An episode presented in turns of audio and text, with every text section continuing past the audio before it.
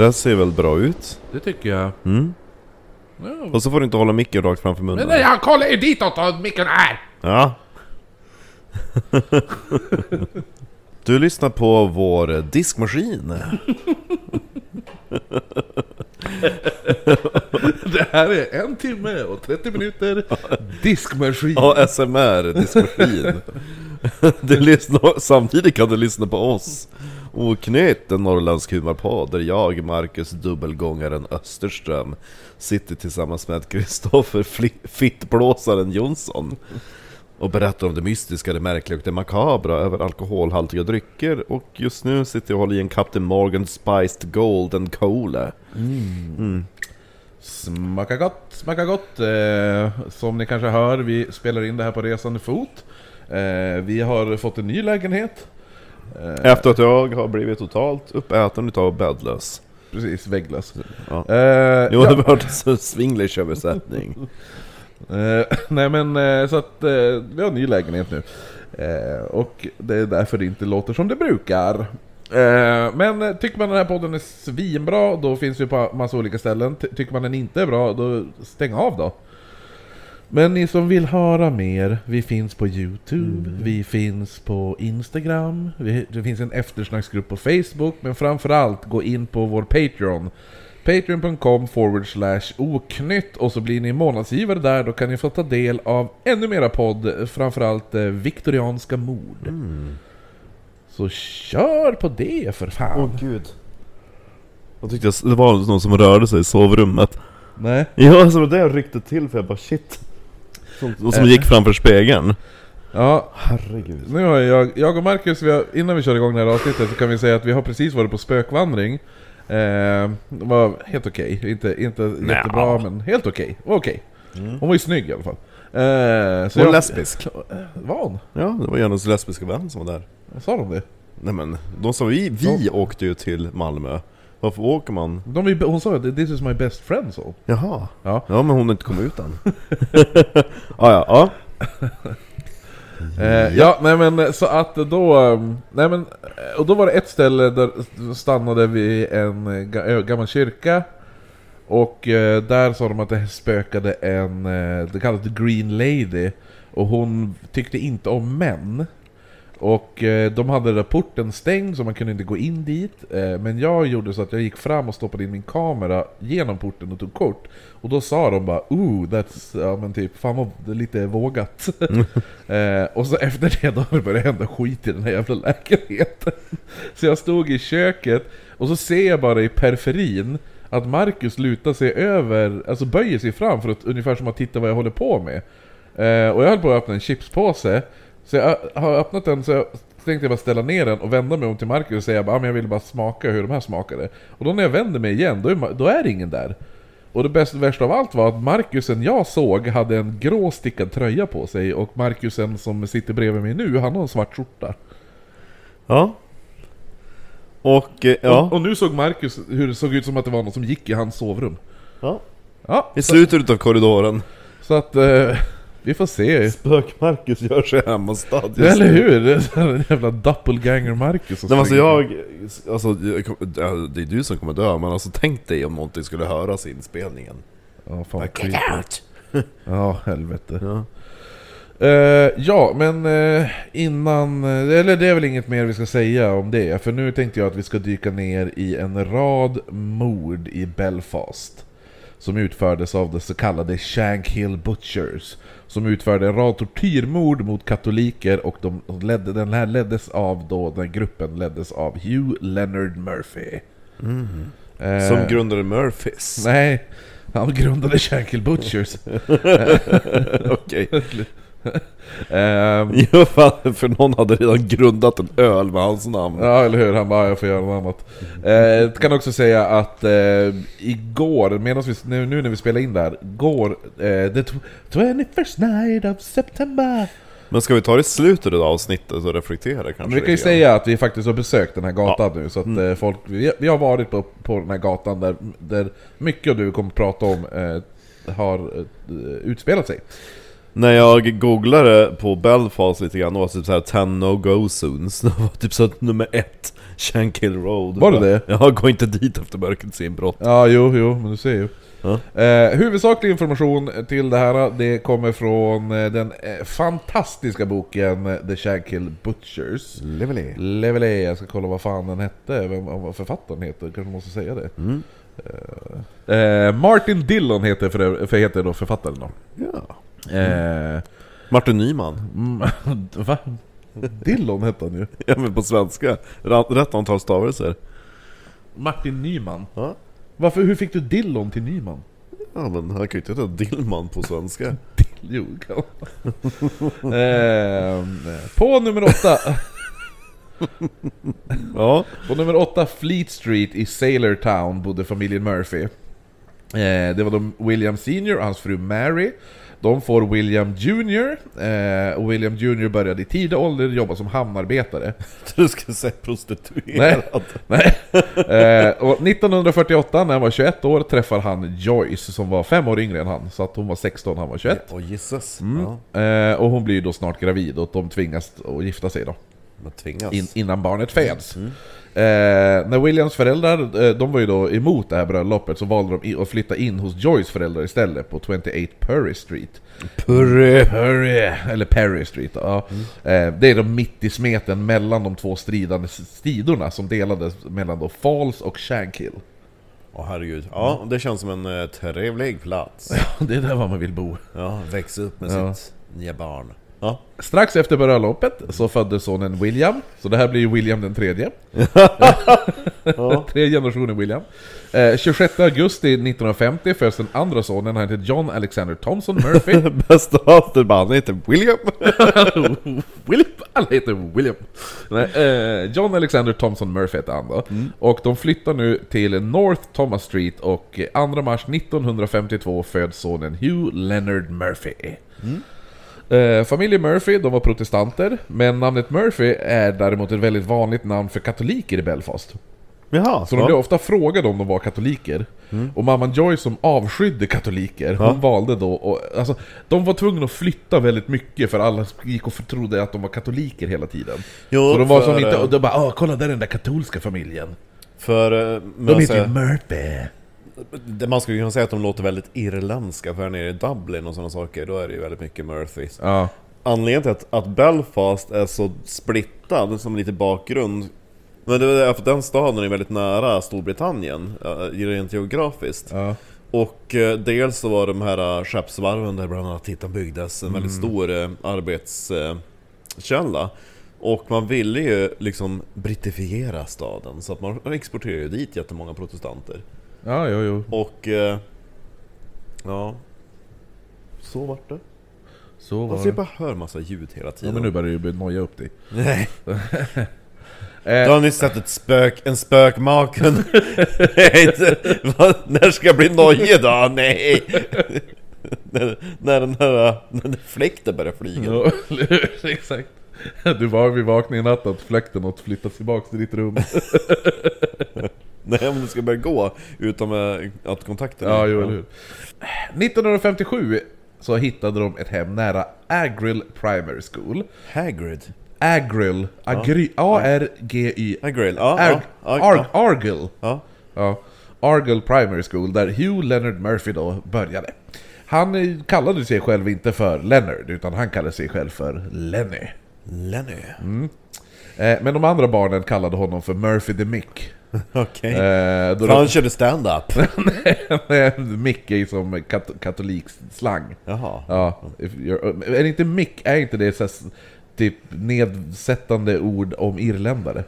Jag vet inte Jag för mig det. Eh, nej men för de var övertygade om att han var katolik så de kallade honom för Murphy the Mick då. Eh, och speciellt också för Hugh är också tydligen ett väldigt vanligt namn om man är katolsk. Att man heter Hugh. Det är väldigt märkligt att man fått för sig att vissa namn är så jävla katolska Jo och- eller hur? Bara, han heter Makon. då, tycker han om att tvätta. Tvätterskan Exakt. Eh, nej men han var ett, eh, när han var liten så var han väldigt liten, han var jättekort och tanig och sånt där. Som ett bord. Men han var inte rädd för de andra eleverna. Om någon bråkade med honom så hotade han alltid att han bara Du jag har två äldre bröder, de kommer spöa skiten ur dig liksom. Jag trodde först att han var bara jävligt, jävligt kaxig själv men han hade sina bröder, Ja, William, precis. William den tredje och eh, Eh, John Alexander Thompson. även kallad William den fjärde. Ja, hur? Eh, när han var 12 så åkte han fast för inbrott i, på en butik. Han fick då två års tillsyn. Ja. I sko- ja, det går bra- här. I skolan började han gå omkring och hota andra elever att de skulle göra som han sa, annars skulle han hämta sina två äldre bröder. Skriv det! Ja, exakt. Vid ett tillfälle drog han fram en, en fickkniv och rånade en elev på lunchpengarna. Shit. Ja, jo, han är... Han är jobbig jävla unge. Ja. Ja. På slöjden gjorde han en eldgaffel av metall som han slog i huvudet på en annan elev. Men gud. Han började pressa andra elever på pengar och ingen vågade säga emot. Men han var inte särskilt eh, alltså, religiös då eftersom han inte var... Han levde inte som han... Alltså... Han levde inte särskilt kristet om man kan säga så. Nej men han var en jävla skitunge. Ja. Apropå det där med eh, när folk frågar "Men är du, är du katolik, är du protestant? När Elin flyttade hit med tjej, Ja. då innan de liksom visste var de kommer ifrån, då frågar de typ alltid ibland "Är- du, är du protestant och, och catholic? Ja. Elin hon, hon, hon var jävligt smart, hon bara 'I'm Lutheran' Ja. De bara va? Jag bara well it's a brand The German brand of, protestantism, lutheranism Ja. För då har, de, då har de stannat tillräckligt länge för liksom bara vad, vad är det för någonting? Och så inser de bara ah, just det, hon är inte härifrån Nej precis. Och det är inte, ja Ja, jo. Eh, 1968 slutade han i skolan och åkte igen fast för inbrott och får igen två års tillsyn. Jaha Eh, som tonåring... Stackars kärring som måste sitta och titta på honom i två år Nej men tillsyn är ju inte så. Jag tror han fick, en- fick en tant. En, Sitter och gu- tittar. en guvernant-tant i två år. Sitter och stickar ett hörn och bara stirrar Exakt, hon heter Mac och gillar att tvätta. eh, som, som tonåring så började han gå på disco. Eh, men valde att ställa sig i dörren. Ungefär som att han var Bouncer Ja, som att han var portvakt och bestämde då vilka som fick komma in på diskot och vilka som inte fick. Va? Ja, och så de som ägde diskot, de bara 'Vad fan gör du?' Alltså, Ja? du jobbar inte här, du är inte portvakt. Han bara 'Jo' eh, Han hängde även på pubbar längs Shankill Road. Eh, bland annat The Glue Pot och The Bayardo. Eh, och han blev även medlem nu i Ulster Volunteer Force. Även känd som UVF, som är, Ulster Volunteer Force är då en pro-brittisk terroristgrupp ungefär. Eh, kan man säga. Eh, och de ligger då under de så kallade Loyalists. Som var på brittsidan i det här, i The Troubles. Eh, och i augusti 1969 när protestanterna stormade katolska gator och brände ner hundratals hus så var Lenny mitt i det här kaoset och han älskade att ta ut sitt hat mot alla katoliker nu. Han bara sprang omkring och hoppade på in i så mycket fistfight som han kunde. Var han duktig på det? Eller var han fortfarande ett litet bord? Ja, men han, är- ja, han, har allt, han kommer alltid vara liten men han kommer jävligt eh, Kaxig kaxig och, och bra på att slåss liksom. Eh, under 1970 och 1971 så grundade Lenny The Murphy Gang. ja, tillsammans med Samuel McAllister, även känd som Big Sam, och Robert Bates, även kallad för Basher, för han kunde sma- basha in huvudet på vem han ville. Gud. Jag tänker att vi ska sitta och... Vi träffas på tisdagar så dricker vi Murphys hos mig. Det, vi har så mycket annat för oss. det var vi, det han- behöver, vi behöver något, något avslappnande också mellan, mellan alla terroristaktiviteter. Eller hur? Eh, men samtidigt som det här eh, Pågick. pågick då, alltså sam, då bryt, utbryter fullskaligt krig mellan IRA och The Loyalists. Ja. Eh, så flera mord skedde mellan grupperna och Lenny passade på att besöka alla de här rättegångarna. Medan han då kunde vara då själv där att typ nästan studera lite.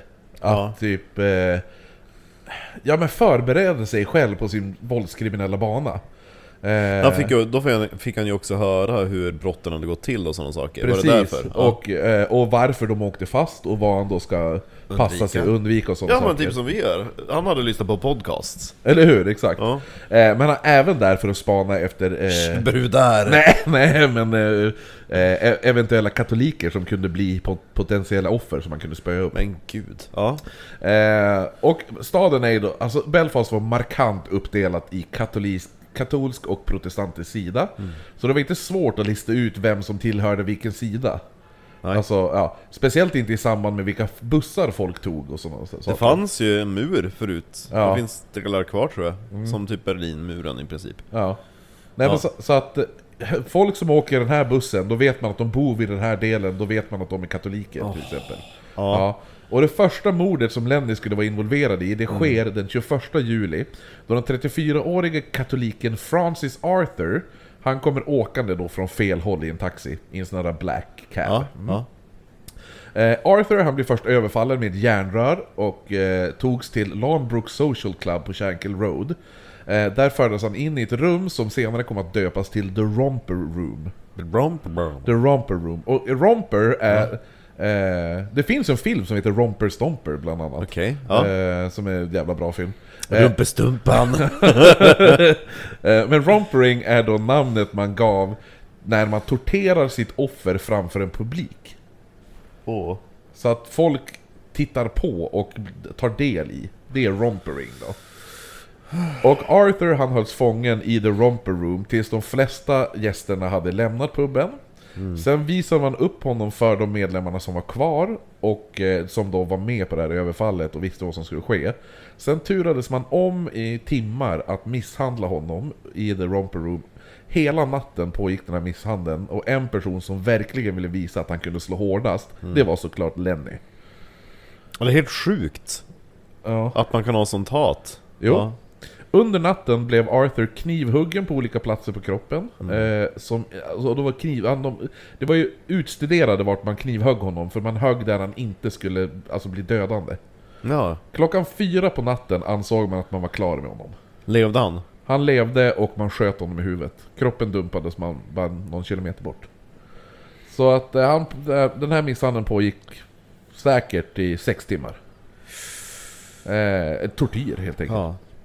Eh, under sommaren då kom flera liknande mord att ske. Oklart om Lenny var delaktig, men förmodligen var han med på dem. Eh, och ett av offren som mördades den här sommaren hette Thomas Madden. Och Madden han hade blivit torterad till döds genom att mördarna skurit bort bitar från kroppen av honom. Alltså de skar bort hudbitar från... Som, på, en- som på en kebab. Ja, jo de kebabade honom. Eh, de skar bort hudbitar från överkroppen eh, och vid obduktionen kunde man räkna upp till 147 skärsår. Eh, Madden dog genom, ge, inte genom det här, att han Nej. förblödde eller något. Nej. Utan det visade sig att han hade sakta blivit strypt av ett rep. Så först skär man upp han, skär av 140... eh, Alltså, Mm. Köttslamsor. Ja, ja, och så inte nog med det så stryper man han sakta till döds. Eh, jävla obehagligt. Jo. Eh, men i alla fall, det mord som räknas som Lennys första officiella mord, det sker då 26 september. När han och en medhjälpare som hette Mervy, Mervy John Connor, de, de har fått order om att mörda 32-åriga William Edward Pavis. Eh, Ed, Pelvis. nej, Pavis. Ja. Ja, Pavis var, han var inte katolik, han var protestant, men han hade åkt in i fängelset för att han hade sålt vapen till en katolsk präst. Nej. Ja. Och UVF misstänkte att han även hade sålt vapen till eh, IRA. Mm. Och därav hans dödsdom då. Eh, Lenny och Connor de tar sig då till Pavis hus och Lenny går då in och frågar om han har några vapen att sälja. Har du något vapen att säga? Eh, när Pavis förklarade att han inte hade några, då hade Lenny tackat för sig själv och så började de gå mot eh, ytterdörren. Tackar, tackar. Men just innan eh, de kom fram till ytterdörren så eh, drog, vad heter det nu, eh, Lenny ut en pistol och så skjuter han Pavis i, i huvudet då. Han fick Eh, en snabb död. Ja, verkligen. Dock sågs Lenny och Connors av ett vittne varpå eh, Lenny arresteras och ställs då inför en vittneskonfrontation. Det som jag sa uttalar det väldigt konstigt. Vittneskonfrontation heter det. Ja. Eh, Men när vittnet skulle identifiera ve- vem vem mördaren var då, Ja. då, då när Lenny står där bland alla andra män, då ställer han till med en scen och vägrar stå kvar. Så han vandrar bara omkring och, och höll, håller på sådär. Ja. Ja. Och försökte gå därifrån flera gånger. Ja. Eh, och han bara nej, jag har inte gått med på det här, jag har inte gått med på det här, jag vill inte vara här. Den kommer att peka ut mig, jag tänker inte vara, vara här. Ja. Det här var ett eh, planerat drag. av Ja. Ja. Ja. För efteråt sa han till poliserna bara ja, Lycka till att få mig dömd och vittnet inte vet om hon pekar ut mig för att hon kände igen mig eller att hon tror att det är jag för jag ställde till en scen. Och att det är därför jag blir lätt ihågkommen. Eh, för då, då var det jag som sticker ut mest liksom. Eh, han, det, det höll på att funka. Han blir utpekad och polisen pressade även medhjälparen. Ja, Åh gud! Dörren öppnades. jag såg det. Kan du gå och stänga den? Ja, jo, absolut. Åh, herregud. Åh, Eh, ja, välkommen tillbaka efter hjärtattack. Åh herregud. Ja. Eh, dörren till där vi spelar in Marcus stängde dörren och så innan bara tänk fan om handtaget åker ner. Och så sen efter, tittar man dit efter söndag har dörren öppnats av sig själv. När jag såg hur den öppnades Ja, av sig själv. Men eh, det verkar vara så att ett dåligt, eh, ett dåligt lås eller liksom God dåligt... cider! Ja, ganska stark tror jag den är. Ja, i alla fall. Han blir i alla fall utpekad. Ja. Och eh, polisen de pressar även medhjälparen Connor att han ska vittna. Och Lenny han förstår ju att Connor, han bara, Connor kommer att han kommer gola. Han är en gola fitta. Ja. Ja, så han bestämmer sig för att mörda Connor då.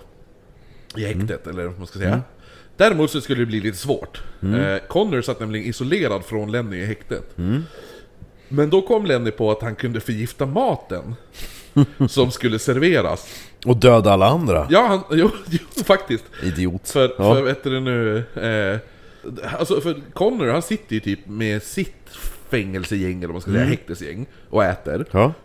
Så han tänkte bara, ah, men det, ifall andra stryker med, det är ändå så här casualties av eh, eh, inte åka fast. Ja. Ja.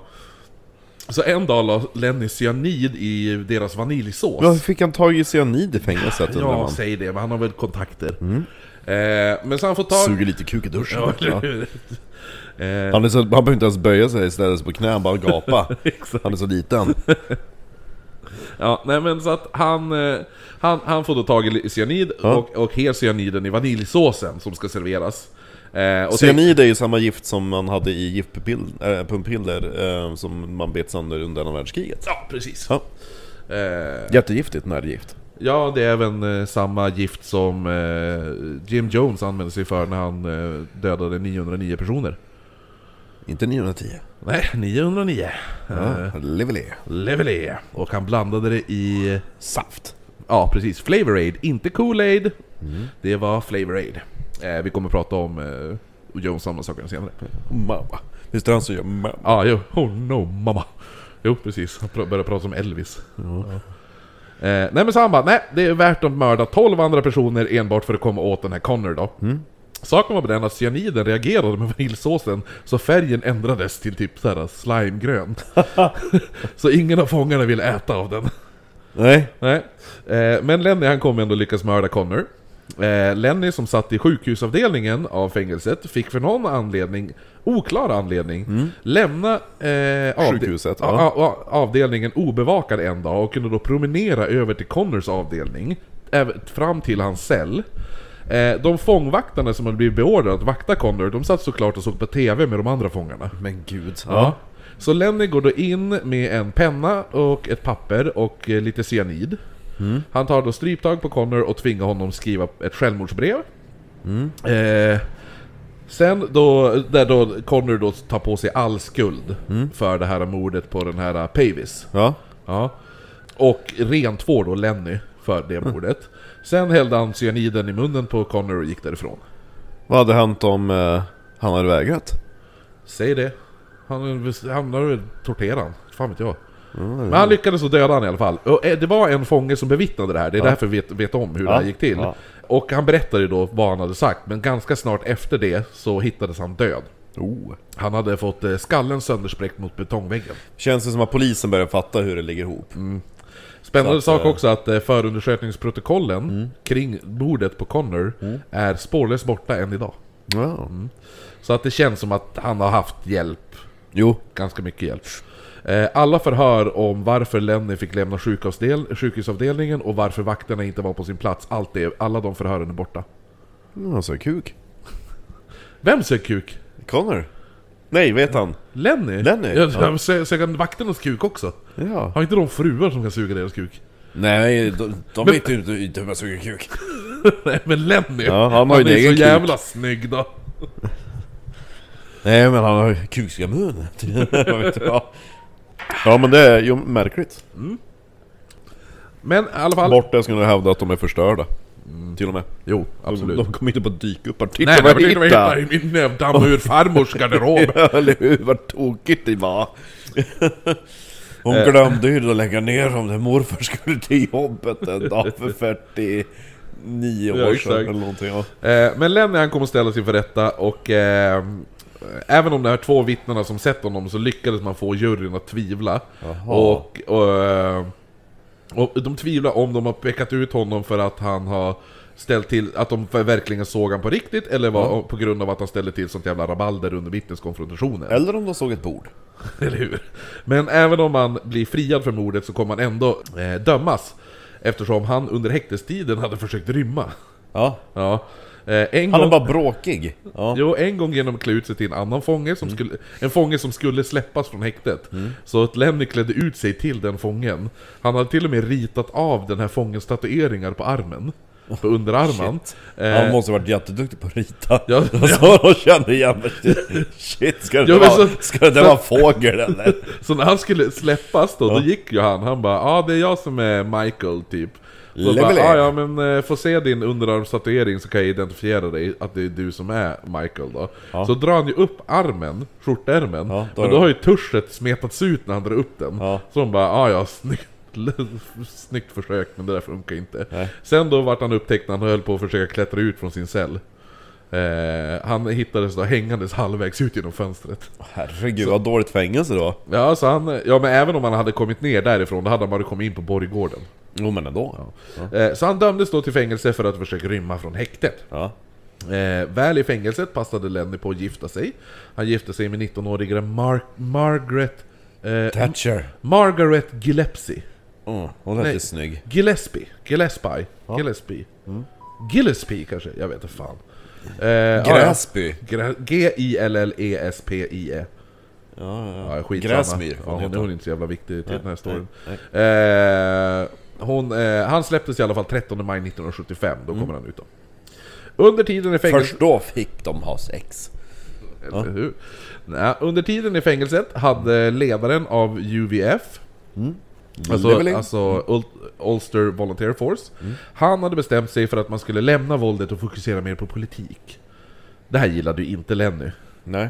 Han valde då att starta en egen grupp inom UVF. Ja. En som han själv styrde. Han startade den här gruppen på The Brown Bear Pub. Vilket fungerade som en typ mötesplats och han bestämde sig för att han skulle ha minst 14 medlemmar. Helst 20. Eh, däremot skulle ett fåtal av de här, de skulle vara med i en inre cirkel. Som är typ... Eh, de Som i den SS. Ja men den i inre cirkeln skulle få all information om eventuella attacker. Medan de utanför cirkeln bara fick en liten information. Men alltid ansågs skulle kunna ställa upp. Eh, och det här var ju då såklart för att minska risken för att läcka information. Ja. Leveling. Så Bates och, alltså Basher Bates och eh, Big Sam McAllister, de var ju givna för den inre cirkeln, men även två personer som idag lever under skyddad identitet och som i boken kallas för Mr A och Mr B. Eh, samt 26-åriga William Moore, Varför lever de under skyddad identitet? För att de eh, har varit delaktiga, jag inte jag, de, har- de har väl vittnat.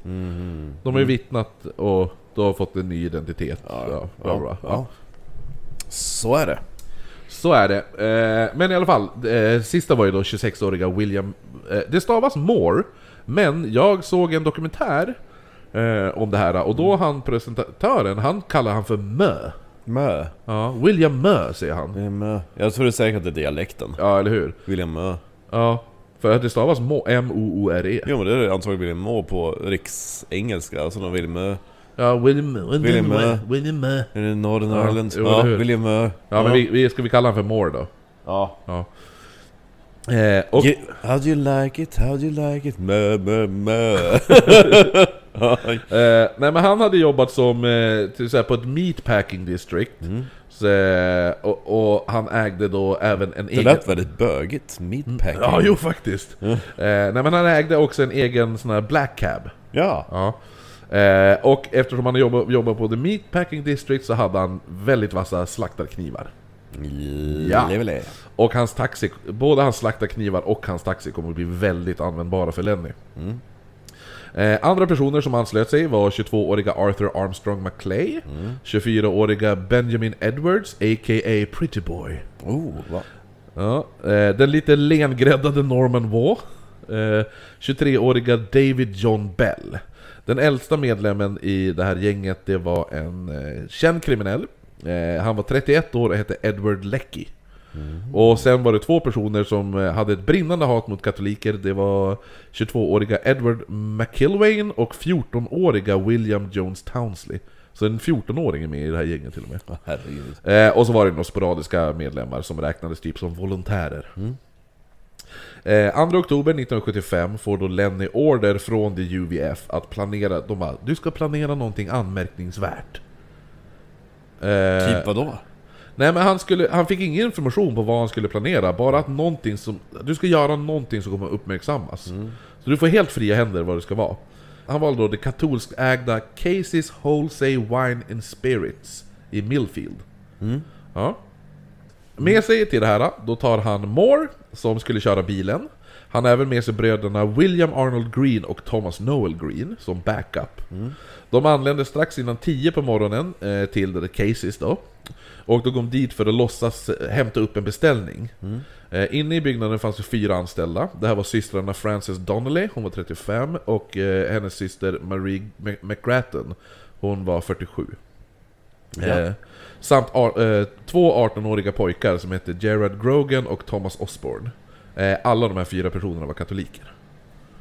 Många katoliker.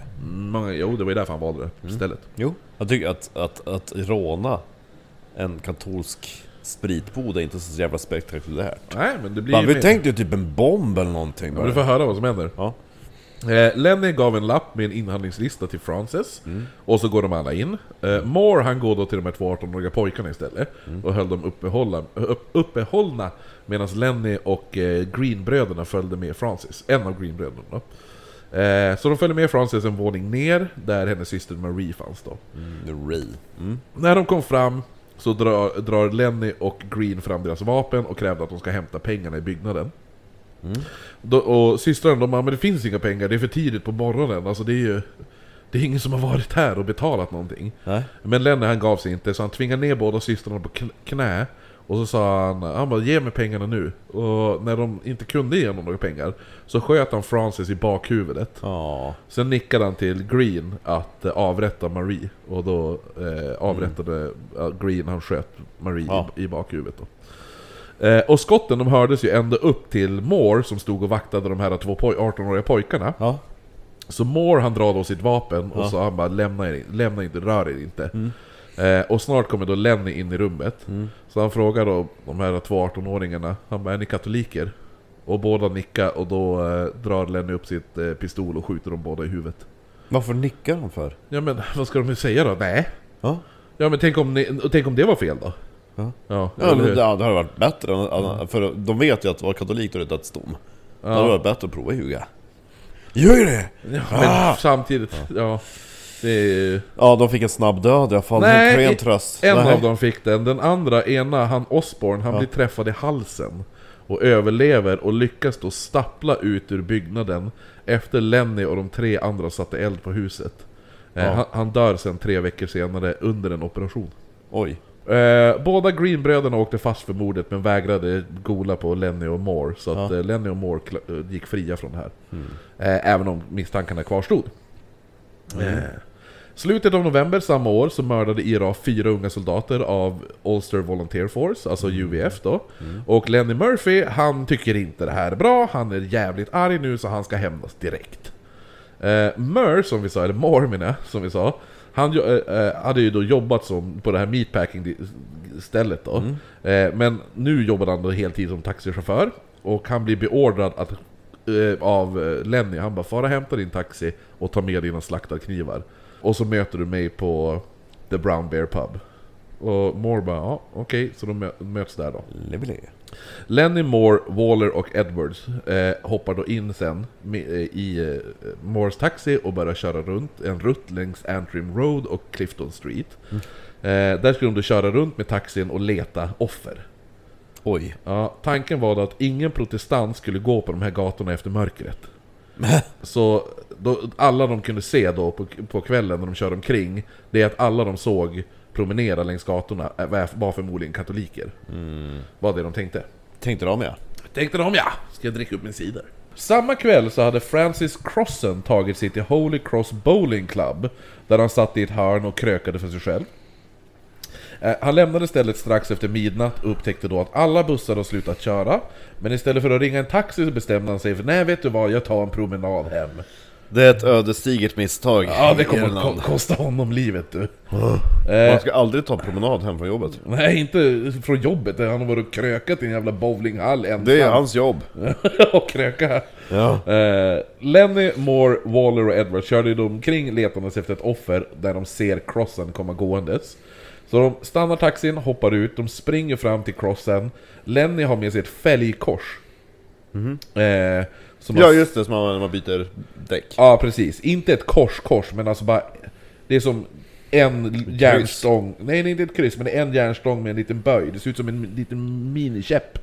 Fast den är gjord av Ja. hård metall. Så han smashar den i bakhuvudet på crossen, som faller till marken. Och Lenny säger åt de andra bara släpa in han i bilen nu. Så de gör det, kastar in han i bilen och börjar köra mot Shankill Road. I den här bilen så fortsätter Lenny slå honom både med händerna och med det här äh, fälgkorset då. Eh, samtidigt som han skrek I'm going to kill you you bastard. Han fick även tagit ölglas från någon jävla ställe. Ja. Ja, eh, som han då slår sönder i ansiktet på crossen. Shit. Ja, så han får ju skärsår hela munnen och ansiktet. Eh, de kör till en bakgata på Wimbledon Street där man bär ut kroppen från bilen. Han lever fortfarande. Lenny, Var han avsvimmad efter slaget eller? han var dåsig. Ja, han, Okej. Grejen var att han for fram och tillbaka mellan medvetande och Okej, icke. ja. Ja. Eh, så de bär ut kroppen och Lenny be- ber då Moore om eh, en av slaktarknivarna. Eh, sen håller han då kniven dinglandes ovanför crossen. Som att bara typ jävlas. Typ, "Nej, nu ska jag använda den här på dig. Eh, och eh, efter det då började han hugga honom i halsen. Inte skära, utan hugga. Eh, han högg så mycket så att huvudet nästan var helt av. Det, alltså det är så fruktansvärt brutalt våld. Det är riktigt jävla obehag. Du Alltså, är inte bara fått avrätta och göra sig av med, med nej, utan med- det är ju bara... katoliker, utan det är bara... Ja men just det här att, att han ska, de ska misshandlas och förnedras innan liksom. Inte bara döda. De kunde ju lika gärna bara springa fram och skjuta en huvudet. Men det gör de inte. Nej. Nej. Eh, I alla fall, så att eh, huvudet var nästan helt av genom att han har huggit upp halsen. Men, men han lever? Nej det gör han inte. Han är väldigt död nu. De lämnade sedan liket och åkte iväg till Shankill Road för att städa ut taxin som var täckt från golv till tak med blod. Då. Crossans lik hittades sex timmar senare av en äldre kvinna som klev ut på sin bakgård för att leta efter sin katt. Hon trodde då först att hon hade hittat en skyltdocka eh, eftersom huvudet låg i 90 graders vinkel från kroppen. Shit. Så att hon bara, ja men sådär, det kan ju inte vara en människa eftersom Nej. huvudet ligger sådär. Ja. Eh, så föreställer, hur, föreställer den scenen. Eh, ut, ska ju klätt ut sig till gammal tant bara i Belfast, då kanske man klarar sig. ja, eller För hur? äldsta offren, alla offer är ju unga, som vi har sett hittills. Det har aldrig Ja. varit typ såhär Ester, 91. Nej, eller hur?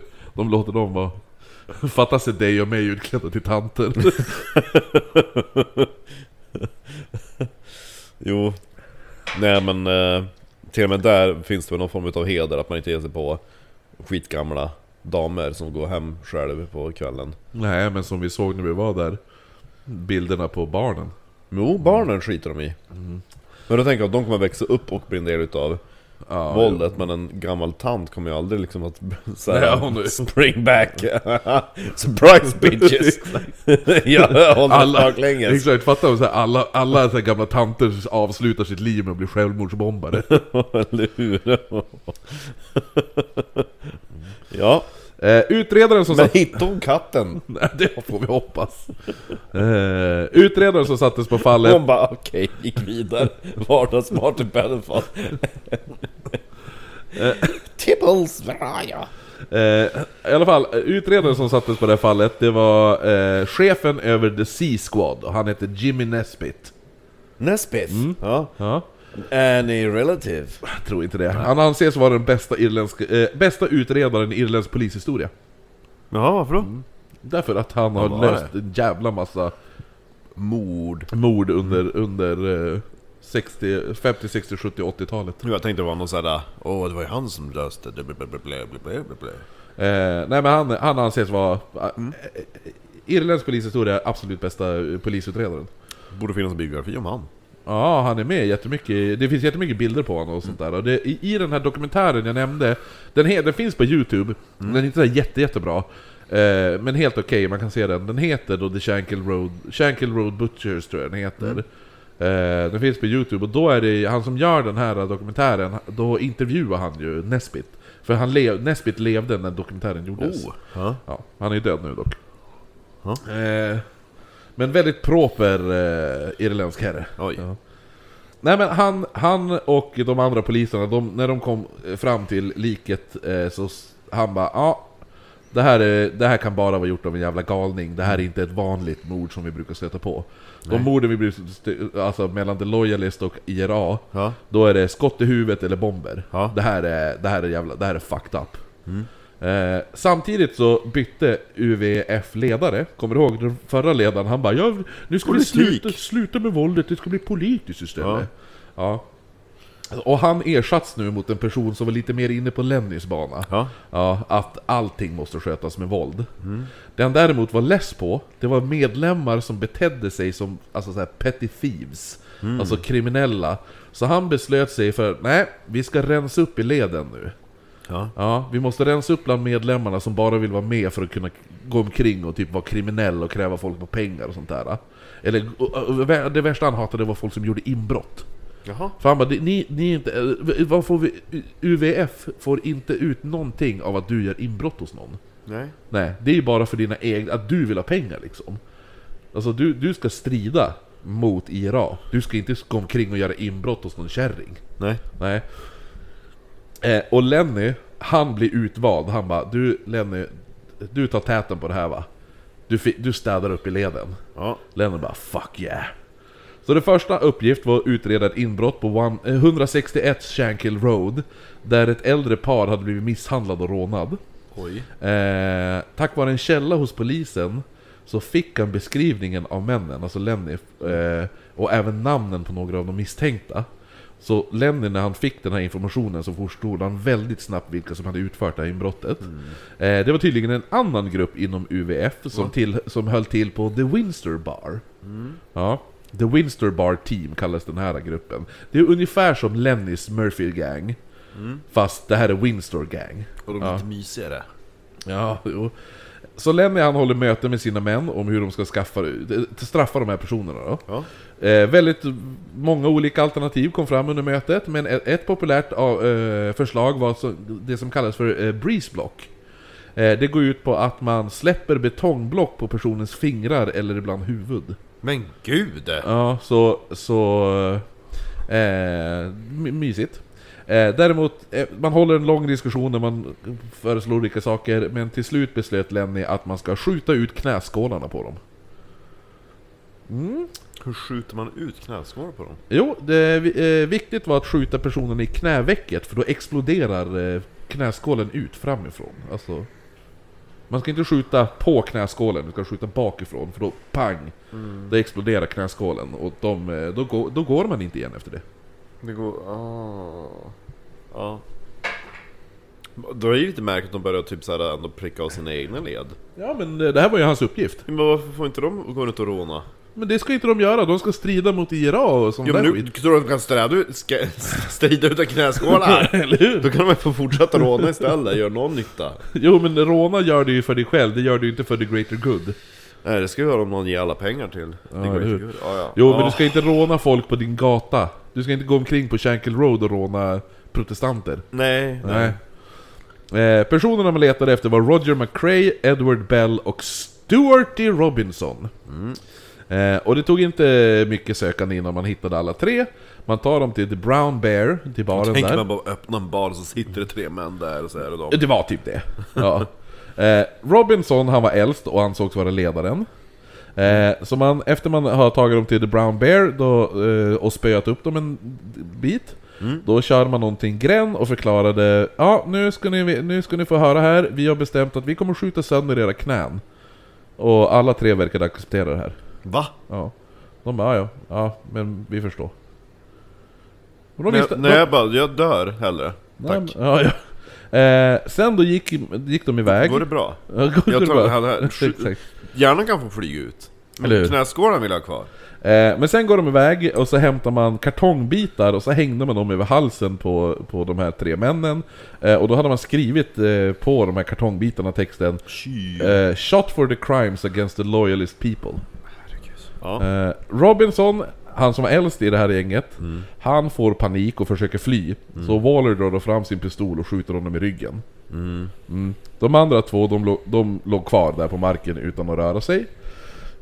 Sen går McAllister och William Green och skjuter dem i baksidan, alltså i knävecken. De skjuter ut knäskålarna på dem. Man lämnade McRae och eh, Bell då, deras, eh, så att de fick då släpa sig till hjälp. Med knäskålarna bortskjutna. Eh, man var tydlig på att om ni yppar ett mord om att du skjutit ihjäl han Robinson, då kommer vi tillbaka och då skjuter vi ihjäl er också. Mm, eh, och Robinson, man tog med hans lik och så dumpade man kroppen en bit bort. Mm. Nu är ju bara det att det här var ju två personer från The Winston Bar Gang Och när de får höra att två medlemmar har fått knäna utskjutna och en hittas död De bara ja, vi är ganska säkra på att det är Lenny Murphy som har gjort det här Ja, Ja, det är hans stil. ja ex- exakt Så Lenny kallas då till ett möte där han bara ja, de bara men är det du som gjort det här? Då? Han bara ja, det, jag, jag sköt ut knäskålarna på McRae och Bell Jag har däremot, jag har ingen, alltså att Robinson vart mördad, det har jag ingenting med att göra Vi får leta han för vi skulle skjuta ut hans knäskålar också Någon måste ha skjutit han före oss As. mm, Ingen trodde på det här Nej. eh, Men man kunde inte göra något utan bevis Men på någon Klart att man kunde göra någonting, det är inte polisen de sitter där för. Nej men samtidigt så... Winstore Team kan inte börja göra egna saker utan att få ett godkännande uppifrån. Ja, Ja. Det är lite maffia-stil, Ja. hela det här. Ja, du måste få ett godkännande, du kan inte köra i, i ditt eget race. Eh, men ledaren över The Winstore Bar Team, han får reda på att det var Waller som hade avfyrat skotten i Robinson. Eh, Som, att det var Waller som hade mördat Robinson. Så han beordrar nu sina medlemmar att mörda Waller. Eh, men han gör inte som Lenny, utan han ber om godkännande av The Brigade Staff. Det är de som är de högsta hönsen. ja. Ja. Eh, eh, de, de, det var de som bestämde över alla grupperingar inom Ulster Volunteer Force då. Så att eh, The Briga- Br- Brigade Staff, de, de hade godkänt att The Windsor Team skulle få mörda Waller. På, gr- för att han var den som sköt Robinson. Så tre medlemmar ur Windsor-gänget, de hittade Waller sittandes i sin bil med han McAllister. De smyger upp bakom bilen, någonting som McAllister, ah, McAllister måste ha sett dem komma, för han får panik och öppnar dörren och springer därifrån från bilen. Ja. Waller däremot, han verkar inte bry sig. Antingen så fattade han ingenting, eller så hade han bara ah, ja nu kommer de att döda mig, och acceptera sitt öde. Ja. Han satt bara kvar i bilen, Ja. och de här tre männen kommer fram och bara skjuter honom i huvudet i bilen. Då. Eh, tror du Lenny Murphy blir glad när han får höra att de har skjutit en i hans gäng? Men han är ju aldrig glad. Nej, det är han aldrig. Bara när han får helt cyanid i vaniljsås. Ja. Fast det funkar inte då hade det blivit han sur. Exakt. Ja. Nej men så att han får ju reda på vilka som har mördat Waller. Han tillkallar sina medlemmar till ett möte. För... Vi sköt dem, då hämnades de på oss, så nu måste vi hämnas tillbaka. Ja. Då, då de hade sett de här tre männen som sköt Waller, de sa att det var Noel Nogi Shaw, Desi Balmer och Roy Stewart som hade utfört det här mordet. Ja. Och eh, Lenny han går ju inte till jävla The Brigade Staff för att fråga om lov. Nej. Nej, utan han började trigga igång medlemmarna under mötet för att få dem riktigt jävla hämndlystna. Sen när alla var på tipptopp, då avbröt han mötet. Och han sa att han, han skulle, han bara du, jag, jag ska tänka ut hur vi bäst ska hämnas här nu. Så han har ju fått alla sina medlemmar aspeppade på Ja. att mörda. Ja. Eller hämnas i alla fall. Han gjorde det också lite för att kunna typ se hur långt hans gäng skulle kunna alltså, gå för honom. Just för att de vet ju om att han har inget godkännande av the Brig- Brigade Staff här inte. Eh, för, och så just det här, för det är lite känsligt också att starta, det blir i- princip som att starta krig mot en allierad grupp. Ja. Ja, Dum huvud är de. eh, jo, precis. Eh, Shaw och Balmer, eh, de skulle inte vara något problem att döda. Däremot den här Stewart, eh, han var väldigt nära vän med ledaren över The Windsor Bar-teamet där. Ja.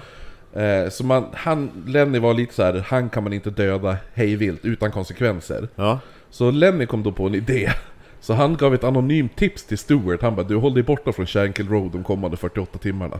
Okej. Så han ringde själv och tipsade Stewart att, Ja. ja. Eh, Men det här var ju ingenting som han sa till sina medlemmar. Nej. Och på så sätt så, så kunde de åka omkring och enbart... Han säger vi letar efter alla tre, men han vet ju att han bara kommer hitta Balmer eh, eller Shaw eller båda. Eh, så då, och få dem och då ur vägen. Och då efter 48 timmar, då skulle liksom hämnden anses vara utredd och då kan Stewart börja röra sig igen. Ja. Ja. Så Lenny samlade medlemmarna på The Lawnbrook Social Club. Där han beordrade medlemmarna att åka ut och leta efter de här tre männen. Man hittade väldigt snabbt den 18-åriga Shaw sittandes själv på The Windsor Bar och dricka. Eh, man går fram till honom och sa Du Lenny vill prata med dig lite. Han bara jaha, Vem, vem är Lenny? ja, men Lenny Murphy, det vet du fan vem det är. Jaha, Ja. Ölen? Ja, jo, han vill prata med dig. Han vill sponsra dig. Ja, nej men så de går fram till honom då. Ja, men Lenny Karlsson? Exakt. Han som vill prata. Eh, han följde med, eh, han följde med men föl- följde med motvilligt för eh, han var inte så jävla sugen på att träffa Lenny. Nej. Eh, Det är inte så många personer som är sugna på att träffa Lenny. nej men samtidigt förstod han att det skulle säkert ta hus i helvete om han vägrade. Ja. Ja, väl ute ur baren så kastas han in i en stulen taxi och de kör honom till Lenny som väntar på The Lawnbrook Social Club.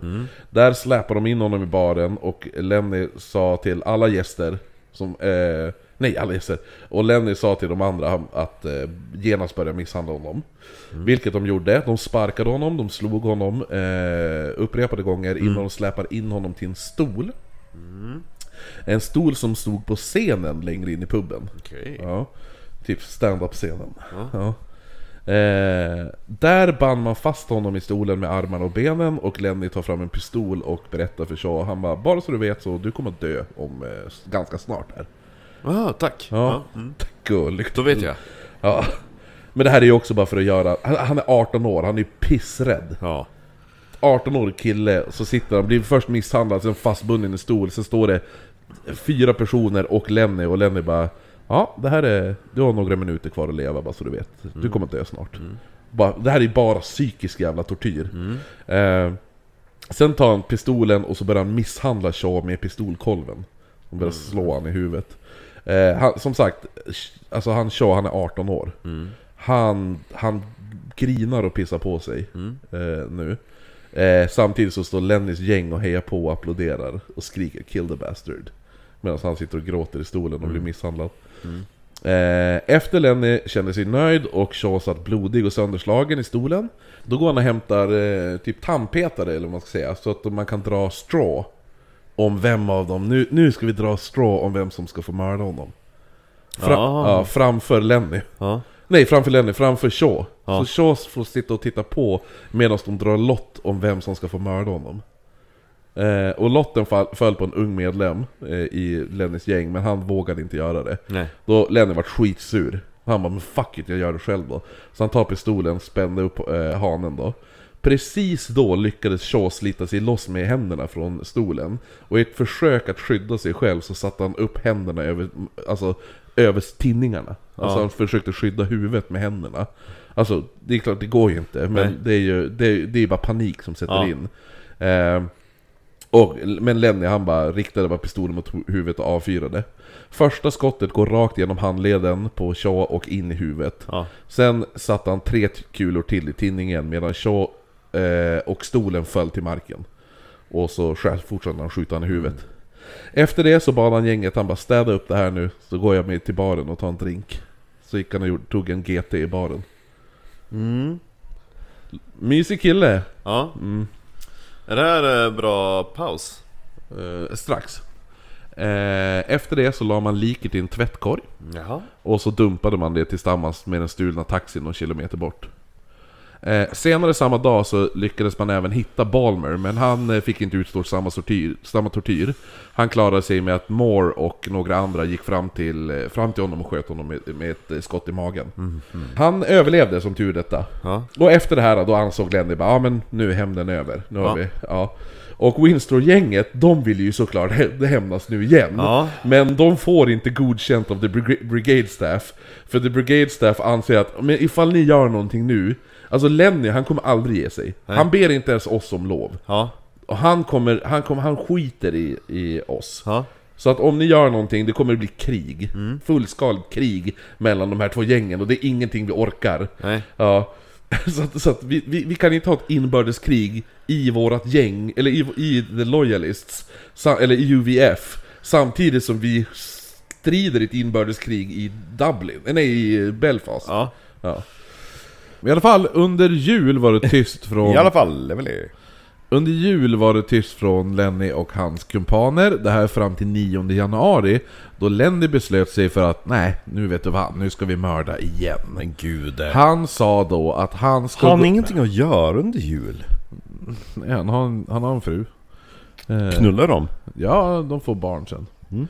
Eh, nej men han sa till sina vänner att nu ska vi ut och hitta en så kallad teig. Hurra! Teig. Oh! Vet du vad teig är? Eh, ja, åtminstone i gaeliska. Teig. Uh, någon, för Teloteg, det är uh, älvfolket i walesiska. Ja, Och det är en utav de typ så här tre eller fyra gaeliska språken. att, ka- att, ka- att kalla en irländare för teig är ungefär som att säga en, en ordet till en svart person. Jaha okej, är det så pass? Ja. Jo, det är... För då kan tänka att teig kanske är så här fjolla. Eller någonting. Alltså det är väldigt nedsättande ord. så ser Eh, du. det är det värsta man kan kalla en äkta irländare, om man säger så. Mm. Eh, och Lenny och hans gäng, de använde ofta det här ordet när de skulle hitta offer. De sa alltid bara 'Let's go out and get us to kill a take' hade de sagt. Tagge. Ja. Han och Moore, de träffades då på puben The Burning Bush på, Oh. på Calen Street nära Shankill Road. Eh, på baren... Varför gick vi inte dit Kristoffer? Därför, ja, men, Den finns inte kvar. Jo, alltså baren finns inte kvar, men gatan finns ju kvar. Jo men jag tänkte liksom, the location for the bar. Ja, nej, nej, baren finns inte kvar. Ja den blev sprängd. Det var någon som På- fick feeling. På baren satt en medlem från... Det fanns 150 pubbar, nu finns det typ 30 kvar. Resten sprängdes. jo, eller hur? Nej men på baren satt en medlem ur The Ulster Defense Regiment, alltså inte Ulster Volunteer Force, Nej. utan Ulster Defense Regiment, UDR. Ja. Det är en mer militant version av UVF då. Eh, Lenny visste att den här mannen alltid var beväpnad och han tänkte att den där snubbens vapen Ja. kommer vara jävligt värdefullt. För det där, han är ju en armésnubbe, så hans vapen är ju inte kopplad till något kriminellt. Nej just det. Ja. Nej, så att eh, ansågs vara ett a clean weapon, så att säga. Han har alltså aldrig tänkt på att oh, nu har en, eh, en eh, katolik blivit mördad i, eh, i Belfast utav ett armévapen. Åh, det vart ju en, ar en armékille mördad här om veckan. Kan det, eh, de två grejerna liksom vara en, en link? Nej, det är ett cleant vapen. Ja, ja men lite. Han är lite korkad. Fast samtidigt kommer han ju undan med skiten. Jo, fast Eh. ändå lite korkad. jo, han är... Han Blanda arsenik i marsansås. är jo, eller hur? eh, nej men så att, så han bara, nej men det här vapnet kommer vara värdefullt. Mm. Eh, så Lenny beslöt sig, beslöt sig då för att Jag ska ha det här vapnet och eh, jag ska använda det för att mörda en katolik. Så är det. Så den kvällen inne på toaletten så drar Lenny upp sin egen pistol och riktar den här mot den här mannen från eh, UDR. Ja. Ehm, eh, riktar den mot den, den killens huvud och tvingade honom då att ge, sig, ge honom hans vapen. Eh, honom. nej, nej, snudd på. Go down on your knees. Jo eller hur, sen får jag vapen. Nej men samma, ge mig ditt vapen nu. Han bara, ja men till slut. Så han gav ju det, vad ska han göra? Han har en pistol mot huvudet liksom. Eh, och han bara, du kommer inte, anmäl inte det här. Nähä. Du, eh, inte ikväll. Vänta i alla fall eh, något dygn innan du anmäler det här. Ja. Han bara, ja Men okej. annars då? Ja, annars kommer han att skjuta han i huvudet. Så ser du. Så Moore och Lenny de kör då till Clifton, Cliftonville Road, vilket är typ ett katolskt getto i Belfast. Oj. Ja. Ja.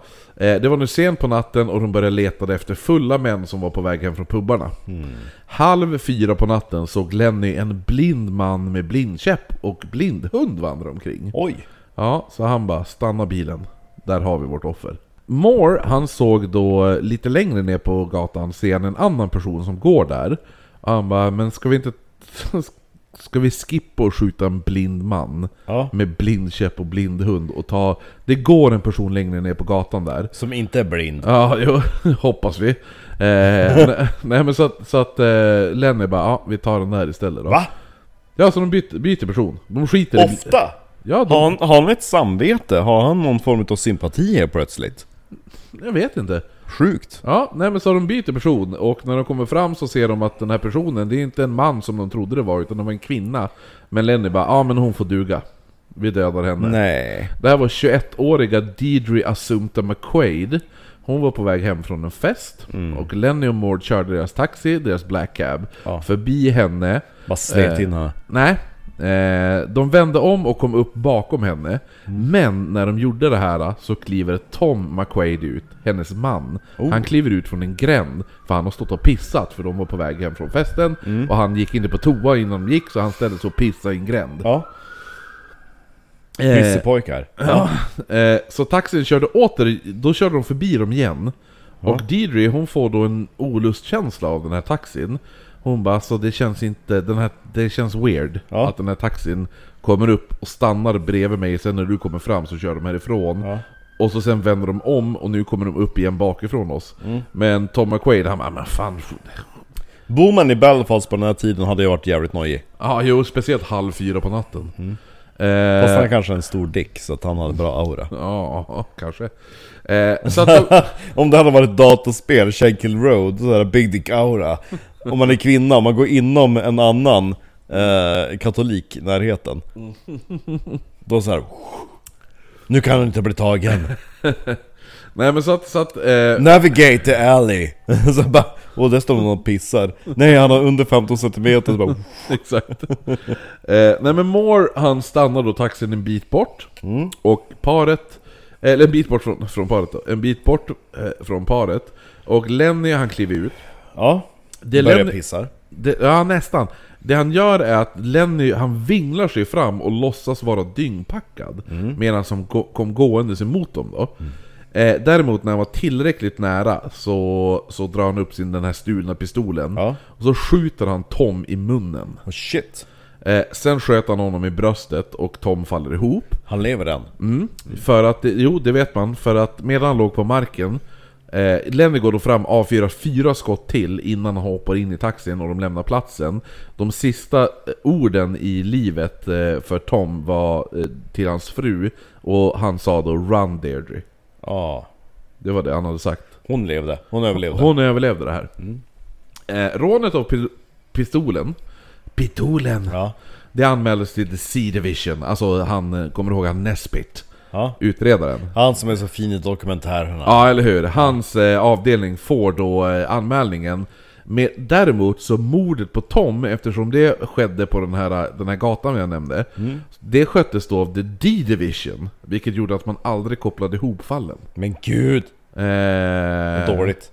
Ja, men det är så här, man hade ingen ta- tanke på att de skulle ha någonting med varandra att göra. Nej, det är dåligt. Ja, men det är ju på den här tiden när man inte delar med sig av information mellan Nej men det är ingen förrän som. Jack the Ripper-eran, det är sjukt att det pågick hundra år senare. jo, men det, ja eller hur? Men alltså, det är inte bara Jack Ripper-eran, alltså, det här pågår ju, det har ju pågått i USA fram till typ 90-talet. Ja, man får inte dela med sig av saker. Nej, för att... För vi jobbar ju inte för allmänheten, vi jobbar ju för internt. Ja men grejen är ju det att det är så här, ju mer, Ah. ju mer fall en polisstation löser, Ja. desto mer... eh, Det här är i alla fall hur USA har fungerat. Mm. Att ju mer fall en polisenhet eh, löser, desto mer pengar får den polisenheten. Mm. Därför vill inte en polisenhet dela med sig av information till en annan polisenhet. Eftersom ifall de då löser fallet, då kommer ju de få pengarna för att de löser fallet. Ja men då tjänar de inte allmänheten, då ska de inte vara poliser. För då har de inget intresse av att lösa brott, utan de är bara intresserade av att få pengar. Ja, för de vill ha ett jobb. Ja men då kan man ta ett annat jobb. Du kan jobba på Tesco. Ja, men jag tycker att det är riktigt jävla dåligt. Polisen som ska få skattepengar för att lösa brott och de bara Nej jag vill inte lösa. Men värst var det ändå på 1700-talet och det är sjukt att på 1700-talet med hon den här eh, The London Stabber Devil Fiend. Ja, det är London, det är Mon- London Monster. Ja, och så bara, nej men jag skiter att ge polisen mitt, alltså mitt, eh, Vittnesmål. Min vittnesmål. För jag vill ha prispengarna. Man bara, men då vill inte du att brottet ska uppklaras. Du vill liksom inte att den Nej, du vill ha- skyldige du, du ska vill, ha- åka du dit. vill, du vill ha cash. Ja, då tycker man, då kan ju du fan bli våldtagen. Man bara, du vill ju inte att... Du, Riktigt så ja men hemskt så är det, i princip är det så här att man bara, ja men Du du, kan vill... inte säga då tycker jag att du ska bli våldtagen. Men det är ju typ så att, ja men om, eh, om alla tänkte så då kan ju en, våld, eh, alltså en, en våldtäktsman som hade kunnat bli gripen Han går ju lös då, och han kanske går lös på dig Om alla, Jo, har jo, om jo. alla har ditt, i din i, i liksom mentalitet Så är det ju Men du kan ju inte, du kan inte uppmana mot till våldtäkt. Nej men man kan ju hoppas Så det är så Nej men alltså det är, ja men alltså det är jävligt själviskt Eh, mindre än en månad senare skedde två mord till på samma gata då. Eh, den här gången var det två poliser som blev skjutna eh, av två IRA-medlemmar. Med polisvapen Eh, Nej, av IRAs Vapen. vapen. Nu de har nu fått tag i dem. Eh, Lenny, Bates och Moore beslöt sig då såklart för att hämnas. De älskar hämnd Ja, Finns ja. inget bättre Nej men vadå? Det är ett, det är ett gäng eh, katolska eh, snubbar som springer och skjuter våra poliser. Ja. Det här kan ju inte gå eh, ostraffat. Nej Eh, de tar då Moores taxi till Library Street. Eh, där körde The de Larbaber The Library Street. Där körde de runt och let, började leta efter ett offer. Poliser, ja Eh, sent på natten hittade de en 53-åriga Thomas Joseph Quinn. Han hade varit, han, efter en lång kväll på krogen så var han på väg hem och han var otroligt full. Ja, de stannade taxin och Lenny han sprang ut med det här fälgkorset vi nämnde tidigare. just det, ja, Ja. Som en käpp Eh, ja Fast man precis, man exakt. Ja, möjligt. Ja, eller hur. Eh, han hade det i handen och så slår han Quinn i bakhuvudet. Han säckar ihop på direkten. Och sen släpar de in han i bilen där de fortsatte misshandeln samtidigt som de körde till Lawnbrook Social Club. Och eh, medans då, då eh, de hade Quinn i, eh, i The Lawnbrook Social Club så far de iväg och hämtar han Pretty Boy Edwards. Snyggpojken Ja, jo. Saken är det, det kan ju vara typ så här Pretty Boy Floyd, han var ju inte speciellt snygg.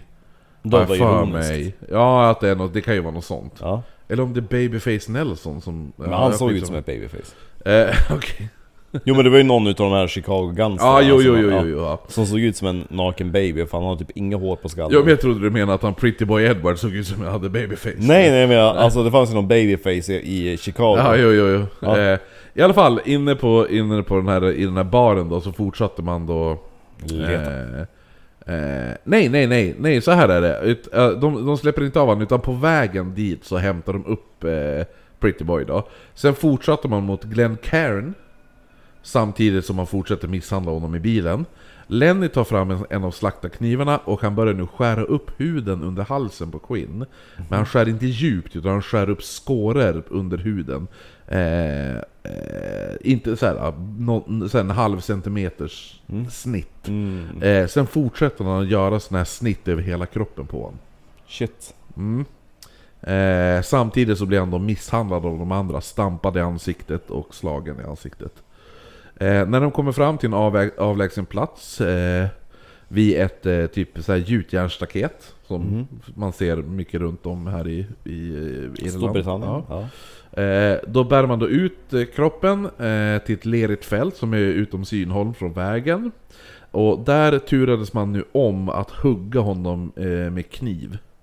Hmm. Så alla får, får hugga honom i kroppen. Eh, efter alla hade huggit, han lever fortfarande. Oh shit. Så han ligger och gurglar blod. Ja. Då går Lenny fram och avslutar med att börja hugga upp halsen på honom.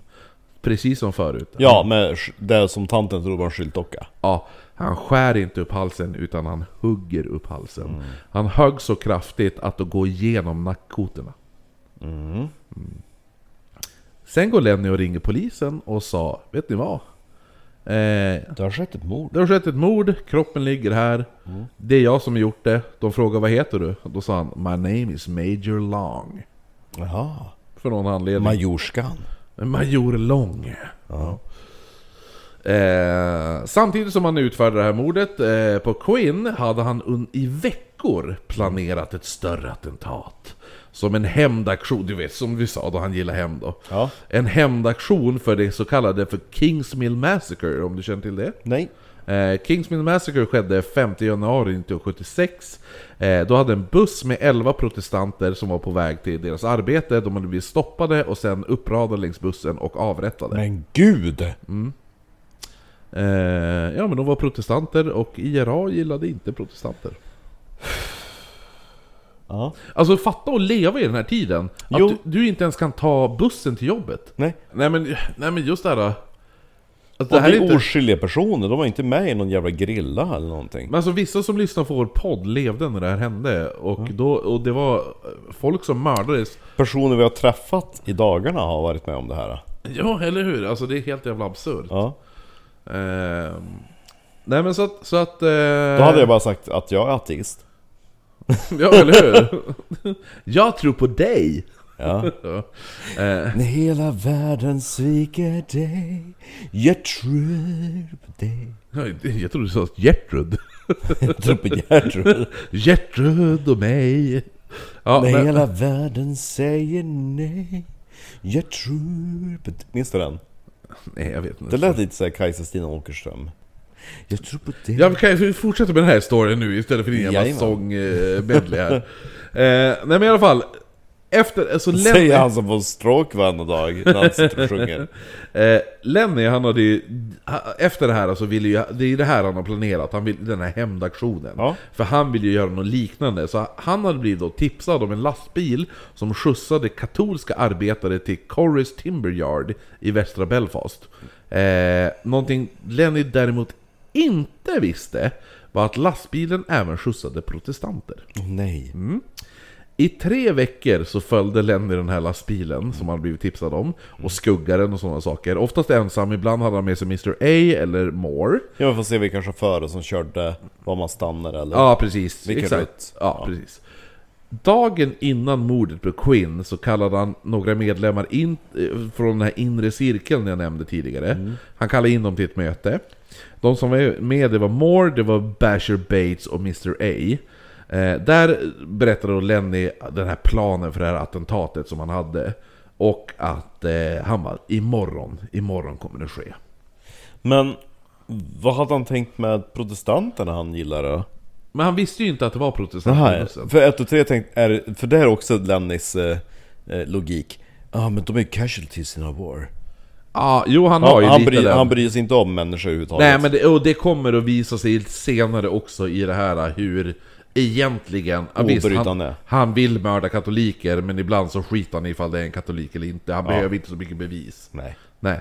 Eh, men som jag sa, han visste, han, han visste att de skjutsade katoliker till den här The, the Lumberyard. Ja. Men han visste inte att de även plockade upp protestanter. Eh, så det här, det här, den här planen, han bara, det är dagen innan han mördar Quinn. När han berättade, imorgon kommer det här ske. Eh, däremot så blev de tvungna att avbryta det här anfallet.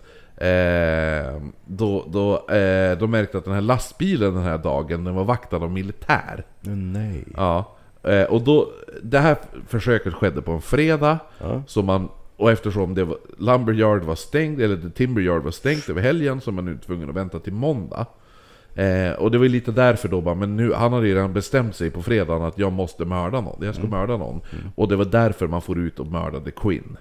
Ja, Han den här 53-åriga mannen.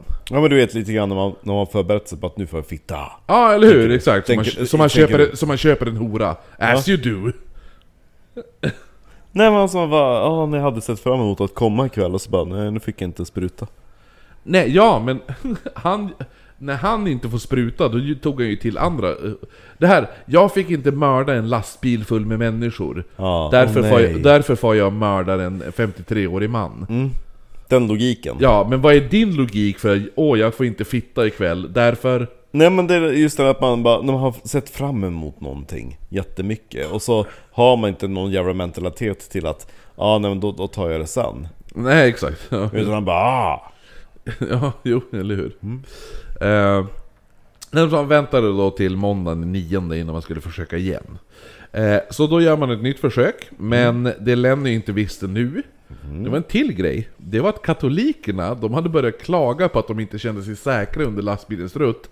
Eh, förmodligen för att de hade blivit skuggade av en jävla tax, svart taxi i, I tre, tre jävla veckors tid. mm, Och så Ja. vet man att det åker runt någon svart taxi och mördar folk Ja, eller hur? Exakt. Så de har nu, katolikerna har fått en ny rutt, eh, ny skjuts, en annan lastbil eller buss då, som tar dem en annan väg.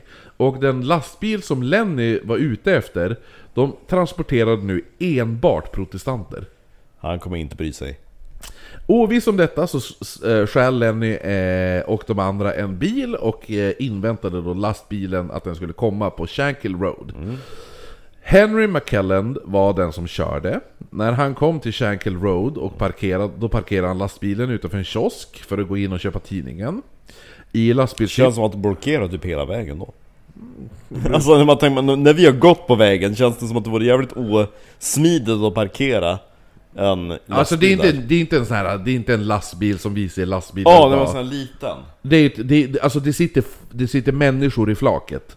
Ja, Om vi säger jo, så. det är inte så här en, en truck, alltså lång lastbil Nej, det är inte en långtradare. Nej men Nej. en typ som lite längre än det här rummet Ja, alltså det är, en, det, är en, det, är en, det är en lastbil och så är det ett flak och på, i, på, i, på flaket sitter Ja, människor. Det är en mindre Tänk lastbil dig såhär, armétransportlastbil. Exakt, ja exakt, det är inte så här De som kör eh, eh, Vad ska vi ta för exempel? Scan Nej, eller hur? Exakt. på E4 Nej. Från Polen Nej, det är inte en dubbellångtradare. Nej. Våran, våran är eh, jättebra lyssnare höll jag på att säga. Eh, alla våra lyssnare är bra. Nej men vi har ju en lyssnare som heter, som heter eh, Sara, visst heter hon det? Sa Sa. Eh, Som kör Mm. Hon kör ju lastbil och hon kör ju Med såhär... protestant här det, är full, det är bara, prote, det är bara Protestanter. protestanter i hennes lastbil. Ja, Eh, nej, men, nej men hon... Eh, hon eh, kör ju såhär dubbelfla... Lång, ja och det var alltså- inte en sån Nej, hon kör långtradare Mm. helt enkelt. Men det här var en liten lastis Lång, alltså varför kallade man långtradare, alltså så här, när man hånglade förr i tiden, bara jag, jag körde långtradare, sa ni det? Nej jag hånglar aldrig med någon så att Nej, ja men känner du till begreppet långtradare? Jo jag har ju hört det, men då är det Ja. typ mer typ såhär Vad ska man ta? Någon jävla film som typ Hipp Hipp Hora eller någonting Fucking Åmål, vi körde långtradare här Mm, Ja, på, eller hur? på typ såhär eh, ryska franska posten ja, ryska posten kör de ju. Ja Det gjorde jag. Eh, famtag, bla bla kyss. Mm, nu ska de hångla. Och så när de kom ut ur garderoben ungefär som hade knullat. I princip. Jo, eller hur? Ja, ja, Ja, men det var ju typ- så. det var ju typ den statusen. Absolut. Ja. Eh, nej men i alla fall, så då, det enda man kunde göra, man kunde ju bara gå in i garderoben och bara viska bara Vi ser att vi har gjort det, bägge två. Ja, alltså jag har gjort det, jag gjorde det med så många tjejer. Ja. Eh, för bo, ja. både jag och tjejen i garderoben står ju typ och stirrar på varandra och så säger man bara Vi säger att vi gjorde det. Jo, så det är kolsvart och så bara Vi ser att vi gjorde det. Eller hur? Du, du känner inte? Nej. Det är så här. Ja. Yes. För då får man ju status också. Man har som Jo lämnat. eller hur? Så Ja. man bara... Leveling. Hon bara Ska vi säga att vi gjorde det? Då säger jag, ja, jag, vi säger, jag säger att vi gjorde det Om du suger av mig Mm. ja, Du gjorde hon ju Sen så man ja, Vi hånglar inte men... Nej, jag, det gjorde jag inte Jag har inte tvingat. Jag har inte tvingat en kvinna och så... så- Det är kvinna. Också. Det lät som att jag går in i ryska posten med äldre kvinnor. Det är jag, såhär, 12 bast. Och Ann-Kristin, 48. eh, nej men i alla fall. Alla var med på det. Eller hur? Det var en honest deal. Exakt, det var jag och hon Ann vi träffade på eh, puben ikväll. det är kul. I alla fall, eh, den här Var hen... hon eh, tillräckligt mild för, det, för dig? Nja, Lite för mycket mild. jag tror det var lite för gammalt. Jo. Men eh, hade man träffat henne åtta år innan? Jag tror, att hon, jag tror att hon är jävligt bra i sängen. Ja. Tror jag. Hon är en riktigt eh, knullig kvinna var hon. Mm. Hennes dotter eller vad det var, verkar bara vara lite halvfull. Skulle jag välja mellan de två hade jag tagit Ann. Ja. Ja, om man säger så. Mm. Eh, Hon skulle kolla upp våran podd, hon har ingen aning vad den heter. nej hon bara, ah, jag vill hon kan se... inte svenska. Ah, jag, jag, jag vill se alla dina stand-ups. Jag bara, det är på svenska. Jag bryr mig inte. Jag tycker om skratten. Nej men hon bara, vi har, vi har humor i Irland. har ni fattat det? Ja. Jo, man bara, jo, jo, men ändå. Ja, jajamän. Ja men i alla fall, den här, den här lastbilschauffören då, han heter ju då som sagt Henry McKellen Jim. Han har parkerat... Han hette Jim Nej han heter Henry McKellen och eh, han har då parkerat lastbilen för att gå in och köpa Kallar det tidningen. Ja.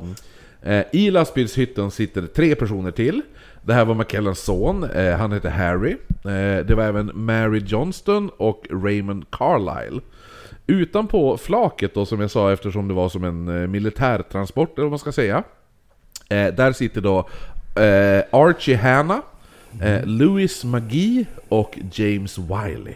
ja. När McKellen klev av så passade även Archibald Hanna på att kliva av för att gå och köpa en macka i den här kiosken. Macka. Eh, de märkte inte hur den här stulna bilen kommer upp bakom lastbilen. Och när eh, Hanna och McKellen kommer tillbaka från kiosken så kliver Lenny och Bates ut med kulsprutepistoler. Oh. Mm. Och de öppnar eld. Lennys vapen fastnar dock, alltså... alltså Låser sig. Ja, låser sig. Automatiken, Ja, ja. jammed. Eh, efter ett par skott. Så han, han byter vapen med Bates.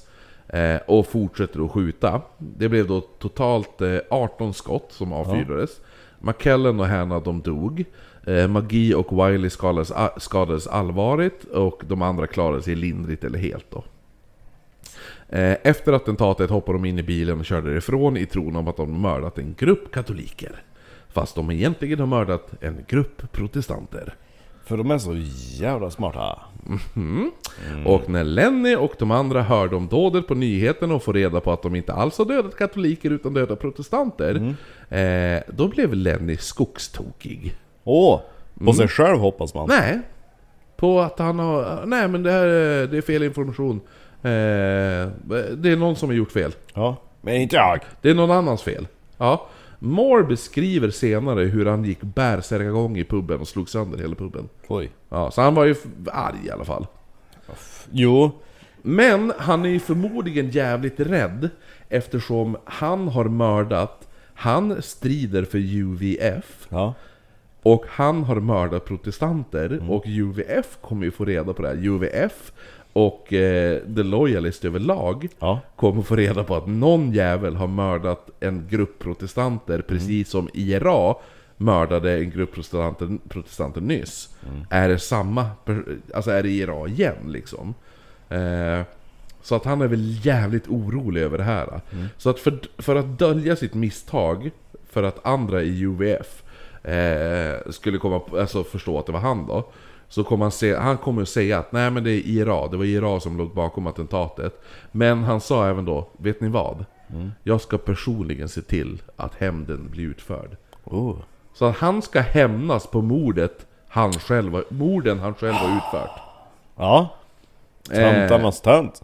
Ja, han sa även sen till medlemmarna i hans gäng att eh, det är nog bäst att sluta med större attentat. Vi håller oss till att skära halsen av enstaka personer. Men herregud. Eh, Då enligt honom. Leveli. Vad då tänkte du? Bara, vi håller oss till små mord. Jo men han, Han, han älskar ju stora mord.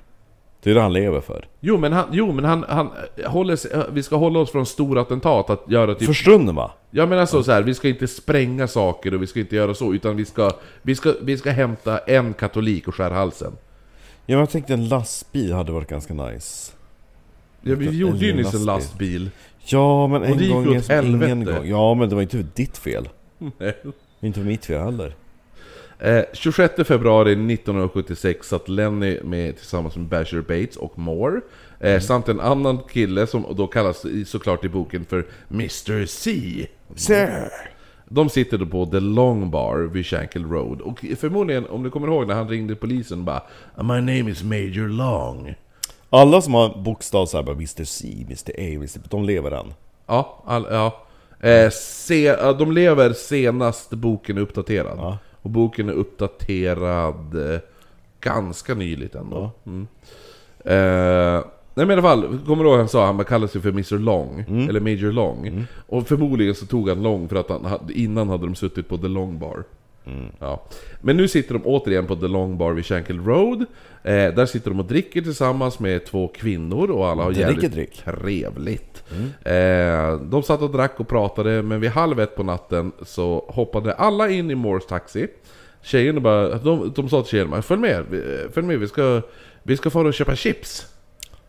Och tjejerna bara, ja ja men okej visst, vi Ja. kan och följa med och köpa chips. Och så sen då eh, säger de också bara, ja, tänk om vi stöter på någon katolik, fan vad nice det hade varit att spöa upp han. Nej. Spöa upp katoliken. Och tjejerna bara, ja jo det hade varit nice. Säger de här tjejerna. Ja. Så de börjar köra omkring längs då, eh, The Library Street och eh, sen upp mot eh, Dongle Street. Där på Dongle Street ser de 20 24-åriga Francis Dominic Rice. Aha. Eh, Rice han var på väg hem från puben efter att han hade hängt med en tjej som han hade, var lite såhär... Kåt på. Ja, alltså, eller hon var kort på han och han var kort på henne. Det var det här. De är på gränsen till att bli tillsammans. Ja men typ som eh, Diddy och djur... Eh, Så, ja precis, alla, i fatt, början. ja, alla fattar att de knullade. Ja. Ja, men sen då bara, ja ja, sen kommer det. Så att, Nästa så steg, Att, ja. så att, ja, så att det här är innan nästa steget. Det här är, det här är när alla fattar att de knullar med varandra. ja. Mm. ja. Så han har suttit och hängt med henne på den här puben. Eh, och, eh, och hon beskrev att när han lämnade puben så var han inte full, men han var inte helt nykter heller. Eh, när då Lenny och de andra i bilen såg honom så hoppade Lenny ut igen, såklart beväpnat med Mm. fälgkorset. Hans Han- älsklingsvapen. Ja, han smäller till Rice i bakhuvudet och Rice däckar inte riktigt på direkten för han är ändå 24 bast och lite Hunkig. hunkig och sp- spetsig höll jag på att säga. Vad säger man? Vad säger man? Spänstig. Spänstig säger man, inte spetsig. Hunkig och spetsig. ja, han har stiff underliffy. spetsig. Ja. Ehm, nej men så han däckar inte utan han försöker fly men han är inte tillräckligt snabb. Så Han Lenny och... hunkig. Nej, Ja. de springer i kappan. Lenny och Bates springer i kappan. De kastar sig över honom. Sen börjar de slå honom och sparka honom. Eh, efter det, då släpar man in honom i baksätet på bilen och man börjar då misshandla honom i taxin. Eh, måste bara säga också då att eh, det sitter två tjejer i taxin och applåderar. Va? De här tjejerna som skulle följa med och köpa Kan jag chips. hoppas att de blir våldtagna? Eller? Ja, alltså de är ju ändå i princip med på det här mordet. Ja. Eh, för att försäkra sig om att de var katolik, för, för Lenny vill inte göra samma misstag igen och mörda en till protestant. Ja. Så för att försäkra sig om att han är katolik så söker man igenom hans fickor. Och man hittar där ett medlemskap i en katolsk social club. Och det var ju allt bevis som behövdes. Eh, misshandeln fortsätter då medan de här tjejerna i framsätet de sitter och tittar på och typ skrattar. Lenny börjar nu, han drar fram kniven igen och börjar precis som förut skära upp sår. Tycker Eh, tjejerna fortfarande är jävligt kul? Nej, nu börjar de, när han börjar skära upp eh, hyfsat djupa sår i halsen på Rice Så blir, då slutar skratten Då är, det, så. då är det inte så jävla roligt längre. eh, Man kör till en gränd vid Esmond Street Där drar man ut Rice från bilen Bilen och tjejerna åker därifrån Så tjejerna lämnar platsen nu Ja. Mm. Eh, man släpar in dem i en gränd. Lenny, Bates och Mr C De ställer sig nu och turas om att sparka och stampa Rice i huvudet och i överkroppen. Eh, sen sätter sig Lenny eh, gränsle över Rice. Ja. Och så tar han fram en av Moores slaktarknivar och så sen börjar han hacka kniven i halsen på Rice. Eh, Mr C, som sen kommer vittna om det här, sa att han höll på att hacka honom i halsen i flera minuter. Tills det bara var... Det var helt Köttfärs. öppet. Ja, men det var helt öppet ända upp till nackkotorna. Så det var i princip, han Men hackade varför, upp. varför skäl han inte på halsen? Nej, han, han vill hacka upp, han vill hugga upp halsen på dem. Mm, Han är ju... Eh, kroppen hittades dagen efter av en tant som bodde på gatan. Så letar efter sin cat. Exakt! Eller hur? Samma tant. Exakt, jag bara helvete vad skit jag hittade jag letade Hittade aldrig katt. min katt. Hittade inte katten. Jag hittade aldrig Morris. Var är Morris? Nå, polisen borde anställa mig som ut... Såhär Miss Marple. Ja, Hon bodde, hon bodde i Belfast. 71. Jag fan det kan vara Sjut- 76. 76. Då bodde Miss Marple. Shackle Road. Leta efter sin katt. Nej men så att... Tre, så, så här. 1989 An old lady found her cat 13 years after it went disappearing. On, the, on the route of the rediscovering of the kitty She is sold over 14 murders.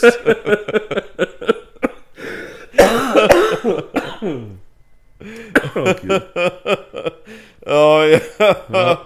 Eh, utredaren Nesbit, han förstod, han bara... Det är lite grann som i så här Fish Called Wenda Där det jävla blocket faller i de Ja, just det. hundar Ja, som bara går iväg Eh, nej men den här utredaren då, Jimmy Nesbitt, han förstod ju att det måste, vara, det måste ju vara samma mördare. Måste. Som, ja, som till morden på Crossen och på Quinn. Ja Eh, den här kvinnan där som hittade kroppen, hon sa även att hon under natten hade hört ljudet av vad som lät som en typisk black cab.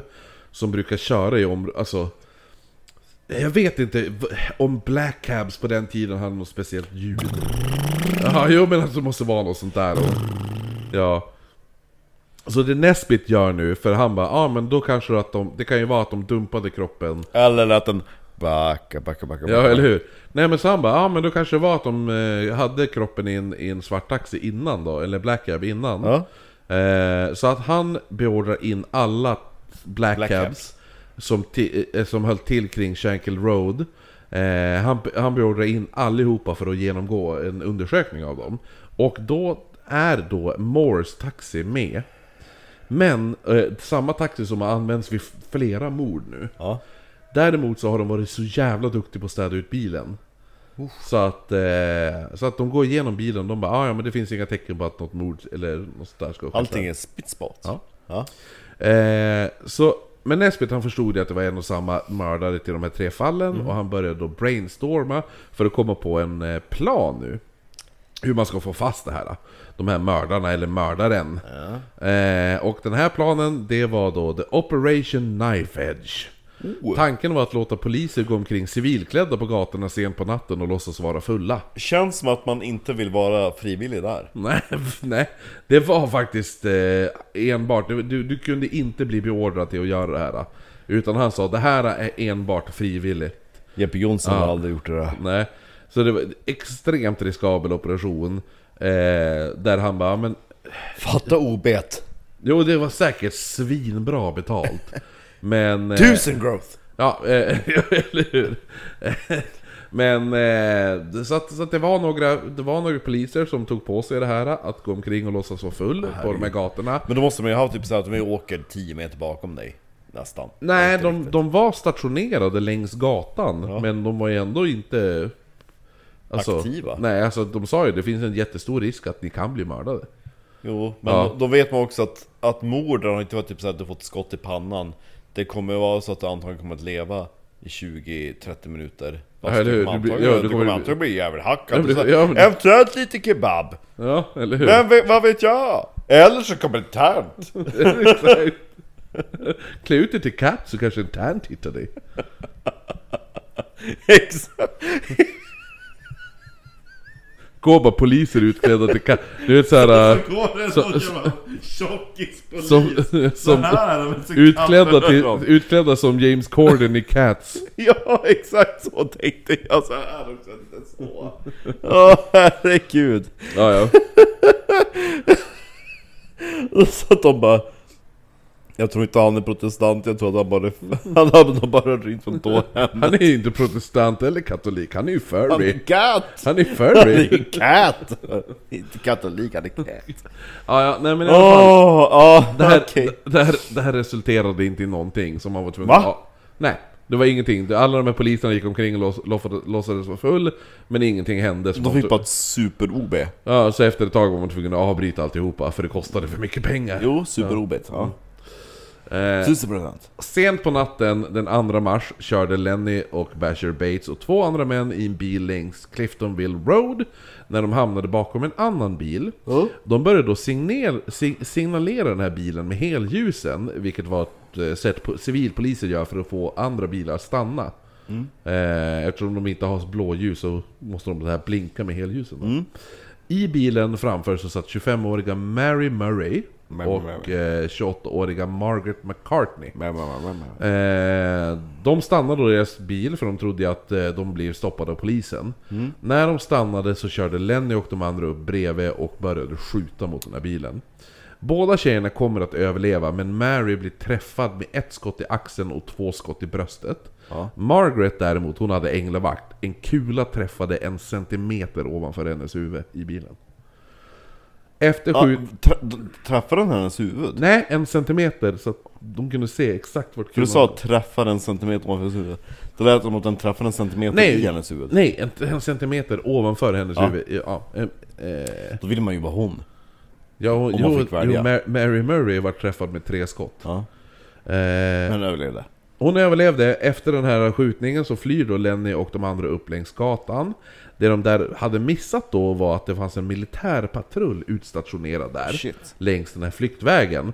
Eh, militären, de hade hört den här skotten och då när de gjorde, hörde skotten så väljer de Kom då... en hel jävla armé efter dem. Nej men de eh, ställer upp en typ en blockad Ja. mitten av vägen. Ja. Så de parkerar bilarna som en blockad. Ja. Där, eh, men Lenny och de andra, de körde mot det och såg den här blockaden men de kunde svänga upp på trottoarkanten och köra runt den. Shit. Eh, sen avfyrade de skott mot militärerna från bilen och Oj. körde ifrån. Militärerna försöker skjuta tillbaka, går inte så bra och de försöker även följa efter Lenny och de andra, men misslyckas. Dålig militär. Morgonen därefter Stå en halv armé på trottoaren och bara "Arr." Eller hur? Eh, morgonen därefter så stoppas Lenny och Bates och de andra av två eh, eh, militärer då. Ja. Eh, vilket verkar vara typ en vanlig rutinkontroll och Lenny han blir då arresterad vid den här rutinkontrollen. Hmm. Eh, han tas in på förhör, men innan man han eh, börja ja. så bad han om att få gå på toaletten. Kan man få gå och pinga? Ja, han passade då på att tvätta händerna. Och även tvätta ja- sin jackärm för att få bort eventuella eh, krutrester, eller blyrester är det då. Ja. Händerna var helt rena, men resterna av eh, från Krut, jackan ja. lyckades inte tvättas bort. Däremot så Lenny att han bara Jo men jag har en anledning till att jag har massa blyrester här på jackärmen. De bara vad är det då? Han bara nej men jag satt och arbetade med ett bilbatteri igår, så att eh, det är därför. Du bara exploderar. Ja, eller hur? De bara, ja, ja. Eh, och då man inte hade tillräckligt med bevis att hålla honom så var man tvungen att släppa Lenny. Eh, däremot hade man då, medan han satt arresterad, då hade man hittat vad man trodde var pistolen som användes för mordförsöket liggande i buskage. Mm.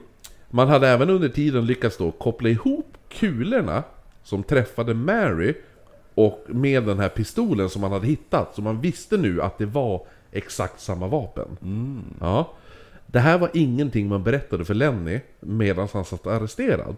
Så man släpper Lenny och man vet om vart pistolen har legat. Pistolen Ja. som har använts till här, de här, den här skjutningen då.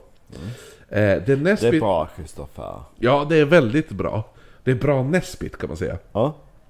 Det Nesbit då gör är att han sätter då span på platsen där pistolen hittades i hopp om att Lenny ska återvända för att hämta pistolen och gömma den någon annanstans, eller göra sig av med den. Eh, och bara några timmar efter att Lenny släpptes så ses, så ser polisen honom stå vid buskaget och leta efter någonting. Så han arresteras då såklart igen. Ja. Eh, hela det här förhöret finns i boken och Lenny han har svar på alla frågor. Han bara, jag körde bilen till platsen där jag, men då när jag kom dit så anledningen varför jag klev ut ur bilen var för att jag hade punka på hjulet, trodde jag. Så jag går ut ur bilen för att kolla om det var så. Gå in i busken. Ja, när jag upptäckte att jag inte har någon pu- punktering så tänkte jag att jag kanske har kört över någonting. Så jag går omkring och letar efter någonting jag kanske körde över. Så jag sparkar omkring i gräset och lite sånt där. Och enligt Lenny var då det, det här var anledningen till varför han stått vid buskaget. Ja. Eh, Men det här lurade ju såklart inte utredarna och Nej. Lenny han blir arresterad för mordförsöket på Mary samt på Margaret. Plus att han då ska ha använt ett olagligt vapen på ett sånt sätt att det skulle vara farligt för andra. Det var det, hans, eh, det han arresterades för. Eh, Samtidigt så delgav då Nesbitt honom misstanke om morden på Rice, Quinn och Crossen Men när Lenny får höra om misstankarna om de här morden så hade han bara suttit och skrattat lite. Däremot så Lenny han förstod, han bara mm, de är mig på spåren Så nu behöver han förvirra polisen Ja, så lördagen den 5 juni klockan 10 på kvällen körde taxichauffören Mark Hagen eh, en kund längs Shankill Road när två unga män stoppade bilen. De hoppar då in i taxin, de drar pistol mot Hagens huvud och tvingar honom att köra till Windsor Bar för att Jaha. hoppa av och släppa av sin passagerare. Så de blir avsläppta där och indragna i puben och får veta att de bara eh, Vi kommer hålla er fångna i 30 minuter. Jaha. Männen tar då deras taxi, eh, eller Hagens taxi, och eh, innan de körde vidare så hoppar även två andra män i bilen. Aha. De kör då mot eh, Chlorane Bar i Smithfield. Eh, Chlorane var en bar med två våningar eh, som eh, hade då både protestanter och katoliker som kunder. Så det Oj. var, det var som en, det var så här, här, här får alla hänga. Jo men nice. Ja, en av gästerna, han heter Ro- eh, Roland Cargill och han såg då hur fyra män med balaklava-masker och pistoler kliver in i baren. Och en av dem säger då 'All right prods' eh, Nej, 'All right, prods to one side and Catholics to the other' Cargill ställer sig upp och frågasatte bara 'Vad fan sysslar ni med?' Och får då som svar 'What, what are you?' Ja. Eh, samtidigt som den här mannen satte pistolen mot revbenen på Cargill. Cargill sa, han bara 'Du jag är stolt protestant' sa han. Ja. Och frågade vad, vad skulle det spela för jävla roll? Ja. Då sätter mannen pistolen mot huvudet på honom. Varpå Cargill re- reagerar genom att han får en chock när han får en pistol i ansiktet så han lutar huvudet bakåt. Ja. Precis han, som han lutar huvudet bakåt så avfyras skott från den här pistolen. Och missar han? Eh, han, öv- han överlever men skottet går rakt upp i näsan. Så han skjuter av näsan på Cargill. Kunde varit värre. Och han svimmar där. Jo, jo, men Ja. kul att se ut som Michael Jackson efter det liksom. Ja. Samtidigt kommer två män Jo men jag, då, jag tar ju hellre Michael Jackson än att vara död. Jo, jo, jo, absolut. Men för fan, bli av... Ett skott upp i näsborren. Tror du att det är ändå värre att få liksom knäskålarna poppade? Ja, ah, jo, jo, det, jo, eller hur. Men ändå, det är jävligt obehagligt. Jo, han svimmar ju. Ja, jo, Tacka för det. De andra de fick bara så kravla över en jävla parkeringsplats. Samtidigt, Utan knän! samtidigt kommer två män ut Och så släpas knäna liksom i gruset. Man bara, mm, vad mysigt. Han får åtminstone ligga ner. Precis när det här händer kommer två män ut från toaletten och... Eh, Jag hade inte gått ut ur nej, toaletten eller då. hur! Blir Skott Vad gör ni? Vad händer? Hej! Jag, tror, jag hade nog suttit, suttit kvar på skitan då. Jo, verkligen. Jag hade nog lagt mig i urinaren. Ja, exakt. Gjort en liquid shit. Ja, alltså. är du Michael? Kom och sitt här. Nej, men, Liquid shit. så, att, så att när de kommer ut ur toan och ser att det står fyra beväpnade män, då väljer de att gå tillbaka in på toan. Ah, nice! Ja. Mm, men däremot så då bara, de, de här fyra männen med vapen, de bara nej nej nej, gå inte tillbaka, vi kommer mörda er då. Eh, Får spola först? Två bröder som var protestanter, de heter John och Robert Emerson. De blir framtvingade till baren och förda mot toaletterna. Medan det hände så passade de här två killarna från toan och försökte på att springa därifrån. Efter att ha hört allt det här känns det som att det var jävligt dumt att åka upp till Belfast. Det känns som att vi ska bara lyckliga klara av Jo, eller hur? besökte den staden. Nej men så att de här två killarna från toan, de försöker nu fly. Ja. Gärningsmännen drar då sina vapen och John skriker åt sin bror Robert, han bara ducka. Vilket han gjorde, och sen sköts det hejvilt där inne i baren. Eh, när det slutade skjuta, då var John, John hade blivit träffad i båda benen. Sen efter det här så delade alla katol- eh, gruppen, gärningsmännen de delade upp alla i katoliker och protestanter på varsin sida av baren och innan någon hann säga någonting så öppnade man eld. Det man inte riktigt hade Jag räknar med. Det man inte riktigt hade förstått var ju vilken sida som protestanter och katoliker. Så att de här gärningsmännen skjuter ihjäl de, alla, eller de här protestanterna. Alla personer? Nej, inte alla. Åtta personer av de protestanterna träffades av skotten, varav fyra dog. Eh, De som dog, de hette Jimmy Coyle, Edward Farrell, Daniel McNeil och Samuel Corr. Samuel Corr, han kom senare det på sjukhuset då. Eh, gärningsmännen hoppade sen in i taxin och åkte tillbaka till Windsor Pub, och där de släppte då den här taxichauffören och kunden. Den här Hagen, Ja. stal taxin Ja. Eh, De som utförde det här attentatet, det var Bates och några andra i Lennys gäng. Eh, Att de dödade protestanter var som sagt, det var inte planerat, utan det blev bara så när de öppnade eld. Eh, Och det här var då första dådet utfört med Lenny i fängelset. Oh! Men Lenny, eh, han... Alltså... Han satt och hejade på. Han sitter i fängelset, men han vill ju få bort misstankarna mot honom. För han är ju misstänkt för eh, de här throat kill... Eh, throat kill-morden.